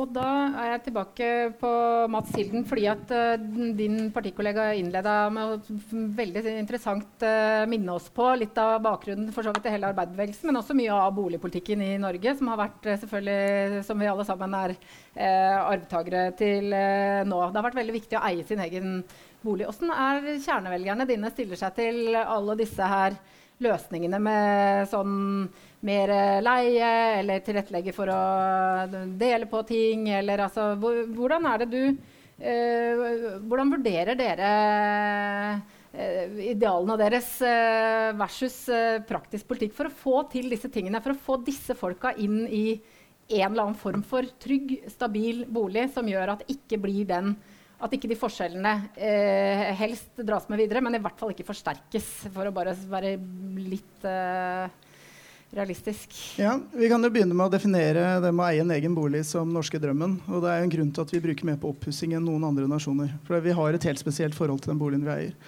Og å eie bolig også markerer en sosial mobilitet. Eh, og for å ta et lite sidespor først, så Det jeg er bekymra for, er den fremveksten av en segregert by som vi får her i Drammen nå. Eh, Vi ser også at områder der en stor, del, eh, eller stor andel leieboliger, der opplever vi stadig utskiftninger. Og det går utover klassemiljø, engasjement. Eh, og når vi går da tilbake til denne stedsutviklingen på å skape gode oppvekstmiljøer, bomiljøer, så faller bunnen ut når du har stadig utskiftninger. Så det er, store altså det er et helhetsbilde her som vi må angripe. Og, og for å gjøre det så, så er det ikke bare å fange folk i en støtteordning, men det handler om å gi dem en mulighet til å få denne inngangsbilletten. Nå er det slik da i Norge at uh, vi putter pengene våre i fast bolig. Det er der vi henter vår arv, og det er der vi har vår formue. Istedenfor å putte det inn i fond som kanskje kunne gitt avkastning og drive næringslivet framover, og, og gjøre mye annet, så er det bolig som er det norske eh, investeringsobjektet. Det ser vi når folk begynner å kjøpe seg en sekundærbolig.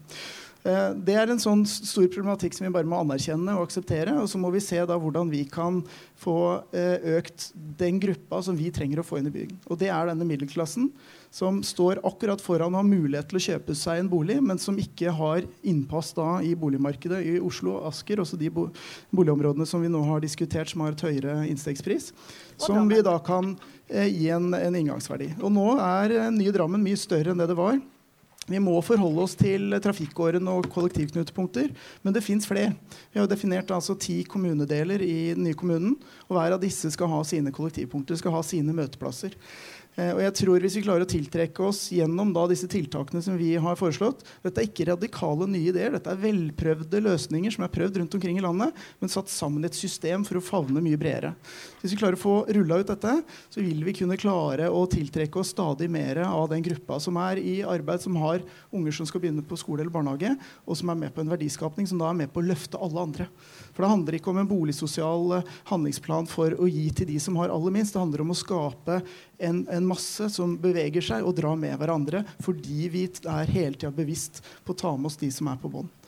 Og jeg tror vi kan se et kjempepotensial i Drammen også som regionsenter, hvis vi anerkjenner sentrum som sentrum for hele nye kommunen.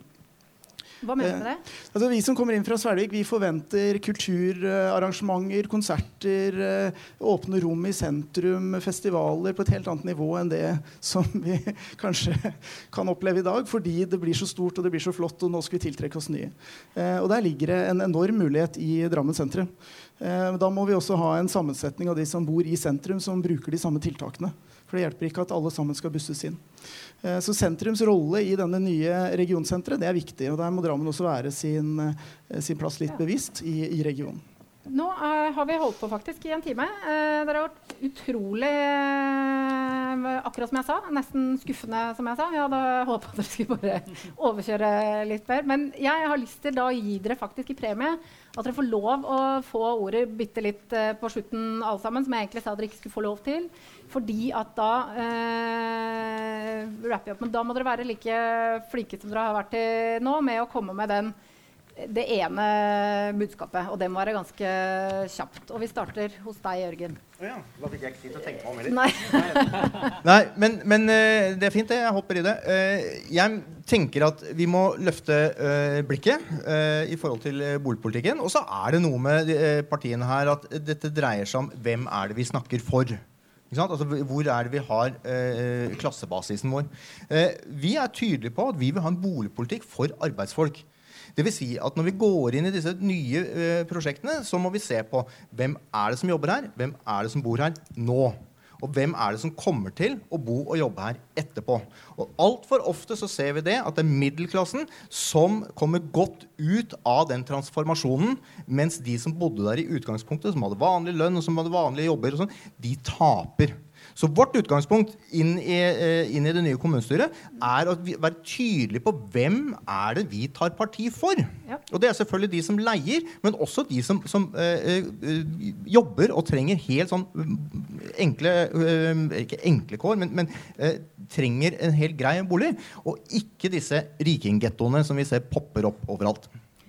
Tony Børner, SV. Ja. jeg skal bruke tida på å si noe om leiemarkedet. Um, og Leieboerforeningen uh, nevnte jo her i stad at de som leier, de har i snitt veldig lav inntekt. Og du fortalte oss også nå at det er ganske lave inntekter, de som leier i Drammen. Uh, dette, var, dette, var, hele befolkningen, altså? Ja, ikke sant. Men uh, i Drammen er det nok ikke noe ja, bedre. han sa at 80% hadde langt lavere. ikke sant? Han ja. sa at 80% av de som leier i Drammen, lå på det nederste nivået ja. i inntekt. Det betyr at de er. Forklarer ja. de tallene som ikke er så pene på mm, mm. nasjonalstatistikk. Så bolig handler veldig mye også om sosial klasse, tydeligvis. Uh, og da er det to tiltak som uh, jeg vil nevne for Drammen SV. Det første det er Jørgen var innom det, det var gjengs leie. Det må det bli slutt på i kommunale boliger at man kan ta gjengsleie. Det var en sak om det i Dagsavisen for ikke lenge siden. Jeg husker bare fornavnet hans, Kristoffer. Han leide kommunal bolig, og så gikk leia fra 5500 til 11500 over natta. Mm. Det er jo helt sprøtt. Så det må det bli helt slutt på. Det vil vi ha helt slutt på. Og så er det andre. Uh, det er uh, uh, eiendomsskatt. Som vi stolt ja, går til valg på. Nei, det, det går vi til stolt til valg på. Jeg var i Arbeiderpartiet før. Jeg ja. lanserte det, eller foreslo det på to årsmøter og ble nedstemt. Ja. nå har det jo inngått en avtale her med at man ikke skal ha det de neste i hvert fall ett år. var det ikke det? Um, ja. Det er i hvert fall en plattform som de har gått inn på, på at man ikke kan ha det i en viss periode. Ja. Men vi går til valg på det, på at de 25% dyreste boligene i Drammen skal vi ha eiendomsskatt på. Det er en promille, det vil ikke bli merkbart for dem, Nei. men det har mye å si for andre som vi kan bruke for å f.eks. øke sosialsatsene. Ja, mm. bra. omfordeling, SV-politikk. Eh, Trond Jan. Det kunne vært, når vi har hørt om disse 25% som skal betale, hvor mye utgjør det i kommunekassa? Det kunne vært veldig interessant å vite. Det vet dere sikkert. Nei, det skal vi be rådmannen utrede, men vi regner noen millioner. Mm. Ja, skal ikke ta den. Nei, eh, bolig har vi hatt fokus på. Jeg har jobba masse med arbeidsplasser og arbeid, og det henger sammen. Det er mange ting som henger sammen med bolig og arbeid. Flere mennesker og, og, og arbeid. Og også attraktivitet, omdømme. Det er mange ting rundt Drammen som er viktig, også for at folk skal flytte hit. Og så har vi da disse ulike boligene. Jeg skal bare ta fram en liten hyggelig ting. fordi at jeg flyttet på Hotvedt for seks år siden. og går jo forbi da Hver dag jeg går opp og ned til byen, så går jeg forbi Drammen Park. Det er ganske spesielt å legge merke til at søndagene så er det det kryr av folk i Drammen Park på en søndag midt på dagen. I disse lekeapparatene, familier, og det er godt kanskje litt overrepresentert av innvandrerfamilier, men som benytter en sånn grønn lunge på en veldig flott måte. Nå er kommer veldig... dere til og med uten bil, for nå har dere stengt gata. Eller, Ja, men i hvert fall så Vi må ta vare på også de grønne lungene, og, og at det kan gi gode kvaliteter for folk som bor i byen med, med barn. For det, det gjør ikke jeg lenger. Bra. Eh, Torbjørn Faber Geibo, MDG. Ja, Det jeg vil uh, bite meg merke i, var det som uh, Leieboerforeningen sa. 8500 av boligene er leieboliger. Det er 25% av alle boligene i Drammen, har jeg regnet ut, uh, fra SSBs tall. Det er 15 000. Det er 21% av befolkningen. Det er veldig høyt. Eh, jeg tenker at leiemarkedet er veldig viktig at kommunen går inn i. Det er helt enig, det er ikke noe nødvendig at alle må eie. Men det er veldig viktig at vi prøver å få til et profesjonelt og seriøst leiemarked. Asker kommune samarbeider med private utleieaktører for å, få, for å få et profesjonelt leiemarked og prøve å få prisene ned. For nå kan leie, utleierne ta den prisen de vil. Det kan kanskje koste 10 000 kroner for en liten familie i, i Drammen og i månedlig leie. Så du en- å punktere markedet? jeg prøver å gå inn der og punktere det. Ja. Eller ja, på det seriøst, gjøre det mer seriøst. De, den familien som bruker 10 000 kroner hver måned på, på leie, har ikke mulighet til å spare seg opp penger. Eh, vi kan hjelpe med å gjøre, gå inn og intervenere i leiemarkedet, men vi må også prøve å få til en tredje boligsektor. Jeg tror det viktige her er at kommunen må snu alle steiner og se hva kan vi gjøre for å eh, gjøre boligmarkedet bedre, slik at ingen blir på en måte ja, fanges i denne ulikhetsfella. Da. Så eh, jeg tror vi har et, noe på gang med både Arbeiderpartiet og SV. Vi må, bruke, vi må se på hvordan kommunen kan gå inn som en markedsaktør. Vi skal ikke gjøre alt, men vi skal prøve å påvirke det. Og vi skal være venner og samtale med utbyggerne og få gode løsninger. Jeg vet at det er gode, mange gode ideer, og de må vi henge oss på. Ja. Simon Noranger, Senterpartiet. Så det er din skyld. Ja, det forklarer det. Eh, nei, jeg skal slutte meg til det at vi må avvikle gjengs leie på sosiale boliger. Det, Da har vi løst eh, Nei, ikke helt, men eh, nei, ja. vi, er, vi er godt på vei. Får vi se hva vi stiller som krav. Eh, Når det gjelder private leiemarked, så mener jeg at kommunen i mye større grad må faktisk få kontroll på hva som blir leid ut. Det er bare å sette seg ned på Finn en halvtime, så ser du absolutt en drøss av leiligheter som absolutt ikke er godkjent. Det er mye du der ikke kan kalle anstendig soverom med god lufting. Så styrke tilsyn Tilsynet må styrkes. Ja. Ja. og Det handler om å verne og ikke for å ta folk. Ja. Eh, men hovedpunktet for å samle det bør rett og slett være det at kommunalpolitikerne må få hånda på rattet. Vi må vite hva som skjer i utvikling av tomtearealene i kommunen vår, for å vite hvilken vei vi vil med kommunen. Det er altfor tydelig det at kommunen rett og slett har mista grepet. Og når vi snakka om Knive i stad, så er jo det et flott eksempel. For eh, hvis vi skal fortsette å utvikle knivområdet mot Svelvik og det veinettet som er lagt opp inn der, så det er billigste løsning for mest profitt, og det kan ikke kommunen akseptere. Knive har vi parkert for i dag, tror jeg. da. Eh, eh, Andreas Murray. Nei, Mats Hilden. Unnskyld, nå var jeg helt på jordet. Ja. Mats skal få Ja, eh, jeg tenker dette må være tydelig, forutsigbar og ha en langsiktighet eh, overfor eh, utbyggere og kommersielle interesser er kanskje noe av det viktigste vi gjør. Og det begynner jo naturligvis med kommuneplanarbeidet. Nå skal vi flette sammen kommuneplan fra tre tidligere kommuner. Ganske omfattende jobb, og den vil kreve da enormt politisk håndverk, men ikke minst da tydelighet. Vi må ha en mye tydeligere visjon og en mye tydeligere boligstrategi for den nye kommunen. Hva, det, hva skal stå øverst på den Ja. visjonen, da? Nei, det, altså, det høres jo litt flåsete ut å, å, å bruke begrep som driv og vekst, da. Men, men det er til syvende og sist det som, som trekker alt det andre. Jeg trodde og- Johansen sa at det sto ikke bolig på lista til Nedre Eiker, og dermed har det ikke skjedd noe der heller. Nei, jeg, vi, vi kan jo ta den store motsetningen som er Svelvik, som under forrige periode hadde, hadde eller altså under forrige valg så hadde vi en målsetting, og det er å få vekst i kommunen. Eh, og vi eh, så på siloprinsippet, hvor det da vokste utover og tenkte nå nærmer det seg, nå nærmer det seg. Og vi så også kniver som begynte å vokse fram. Eh, men det tar tid før det utløses. Og det hjelper ikke noe med insentiver lokalt hvis ikke det er en vilje til å flytte utover. Så der har vi hatt veldig lite vekst i kommunen. Drammen med sine 220 i fjor og våre 11 utgjør da en bagatell. Når du ser på Øvre Eiker som, som altså Folk hopper bokstavelig talt bukk over oss. Flytter til Sande og til Øvre Eiker. Og hva er det de har der? Jo, de har et tydelig definert boligtilbud med disse bomiljøene osv. Så, videre. så Oppskriften ligger ganske enkelt foran, men vi må være villige da til å gå inn, gå i dialog med utbyggere, regulere gjennom veiledning og tilrettelegging. Eh, og ikke minst da også se på nye løsninger. Eh, og Det er derfor vi har et helt sett med forskjellige løsninger vi ønsker å, å prøve ut for å rett og slett drive i gang og knekke denne lille kneika Der er som de må til. ti budene dine som man er kan korrekt. eh, lese i en eller annen nærværende avis veldig snart. Eller på der dere leter.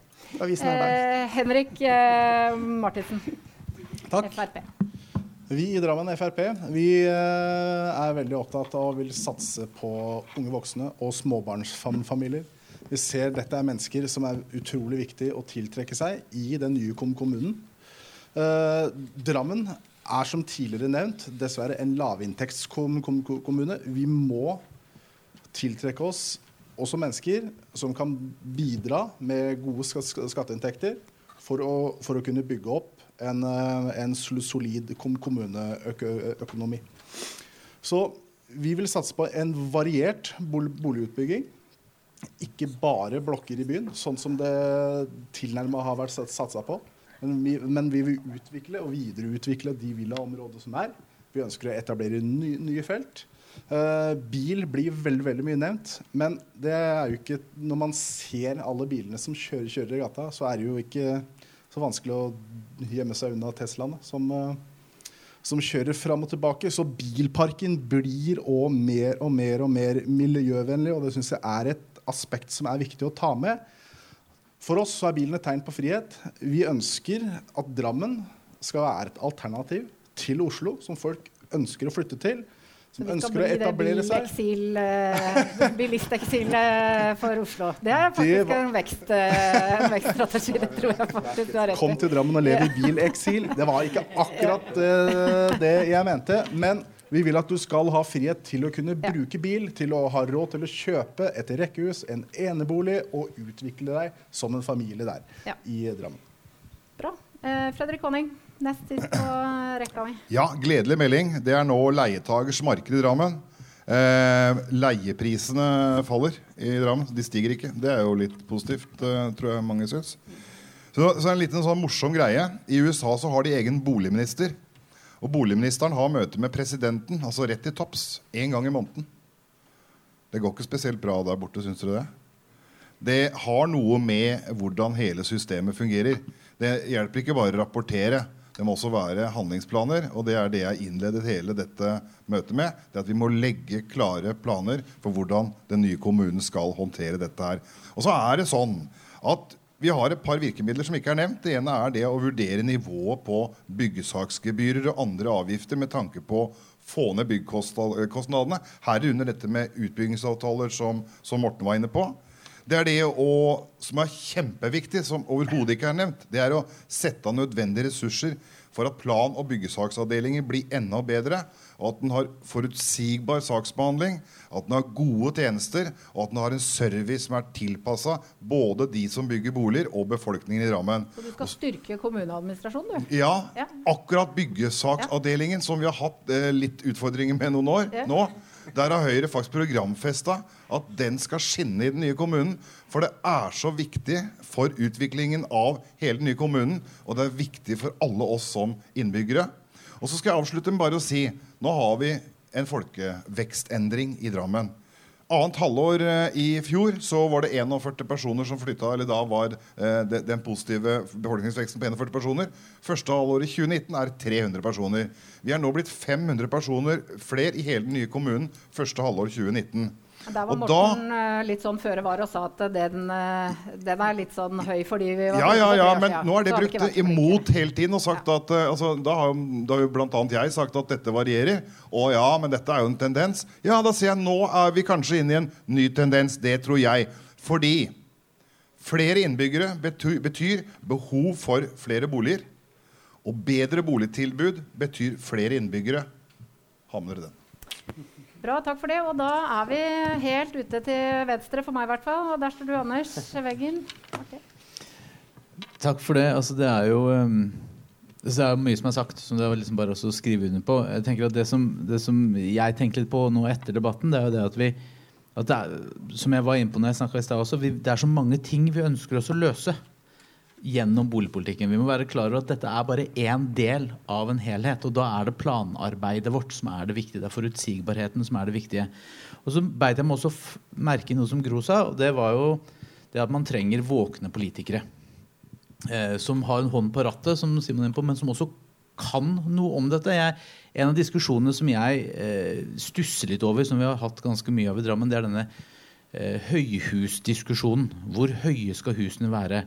Så tenker jeg at Spørsmålet er jo ikke hvor høye husene er, spørsmålet er jo hvordan man lager de høye husene. Det er jo egentlig et arkitektspørsmål, det er jo egentlig et fagspørsmål. Man kan lage kjempehøyt og gjøre det veldig fint. Men vi driver også og diskuterer sånne her, eh, små detaljer eh, som jeg tror er et uttrykk for at vi ikke egentlig skjønner kompleksiteten. Nå kommer det et helt nytt eh, kommunestyre. Eh, vi skal alle sammen gå på politikeropplæring. Det får vi to dager når vi begynner, og så skal vi huske alt i fire år. Egentlig to ganske bortkasta dager. Det vi skulle hatt, var drypp av denne typen her. Jevnlig. Som rett og slett gir oss noen av disse her innspillene, så vi faktisk vet hva vi kan gjøre, og hvordan vi kan gjøre det. Fordi at nå blir det en litt sånn overordna, litt sånn her eh, Litt uinteressant diskusjon, for vi diskuterer disse, disse små uh, detaljene. Men der tror jeg du er inne på noe som diskuteres ganske mange steder. Da, for å eh, ta en neste debatt, som ville vært den med 'Hvem er dere?' Ikke sant? Er dere representative? For jeg tror byggehøyder for eksempel, er noe som folk ringer senest i dag. Hadde jeg en dame på telefon som ringer og sier 'Vi trodde det var tre etasjer, og nå blir det seks'. Og det snakker alle om her oppe. Ikke sant. Ikke sant? Sånn at, Og det er, jo, det er jo i- de spesifikke prosjektene. En ting er hva man gjør i de spesifikke prosjektene. En annen ting er skal vi ha en kommunal standard på hvor høyt vi skal bygge. Skal vi ha en makshøyde? Og jeg mener Vi skal ikke ha disse universelle løsningene som skal gjelde hele kommunen. Vi er nødt til å se hvert enkelt prosjekt for seg, og så må vi gjøre de tilpasningene som skal til. Nå jobber de ute i Slemmestad, så lager de skal Slemmestad brygge. gjøre det, eller skal administrasjonen gjøre det? Skal du få Ja, det er politikerne. Det er en politisk lederorganisasjon, så vi skal legge rammene, og så skal administrasjonen gjøre det som politikerne sier. Politikere som skylder på administrasjonen, får veldig lite honnør hos meg. Det er alltid politisk ledelse som har ansvar for hvordan man løser ting. Se hvordan de gjør det ute i Slemmestad på Slemmestad brygge nå. De ser for seg hele prosjektet som et, nærmest et lukka økosystem. Hvor alt skal fungere sammen. Hvor man snakker om trivsel, hvor man snakker om folkehelse, hvor man snakker om miljø. Hvor man snakker om om liksom helhet, underholdning. Den måten bygger man mer og mer på. Den måten kommer hit også, og det er vi nødt til å omfavne. Bra. Eh, det rakk ja, til og med replikk på sluttappellen. Det er veldig bra. Det Anders Det blir- definerer der, er nettopp stedsutvikling, som skal være et av de hovedfokusområdene for uh, den nye kommunen å klare å oppnå. Det er bra du tok den inn i debatten. Takk. Da har dere mer å snakke om, eh, skjønner jeg også. Da vil jeg benytte sjansen til å takke dere som eh, kom og holdt ut eh, gjennom to og en halv time. Dere som har holdt både disiplinen og sagt Jeg skal ikke si overraskende, men kommet i hvert fall med konstruktive og saklige ting. Så jeg tror vi takker for det og avrunder med det. Takk for meg, og fortsatt god valgkamp til dere, og godt valg til dere og dere.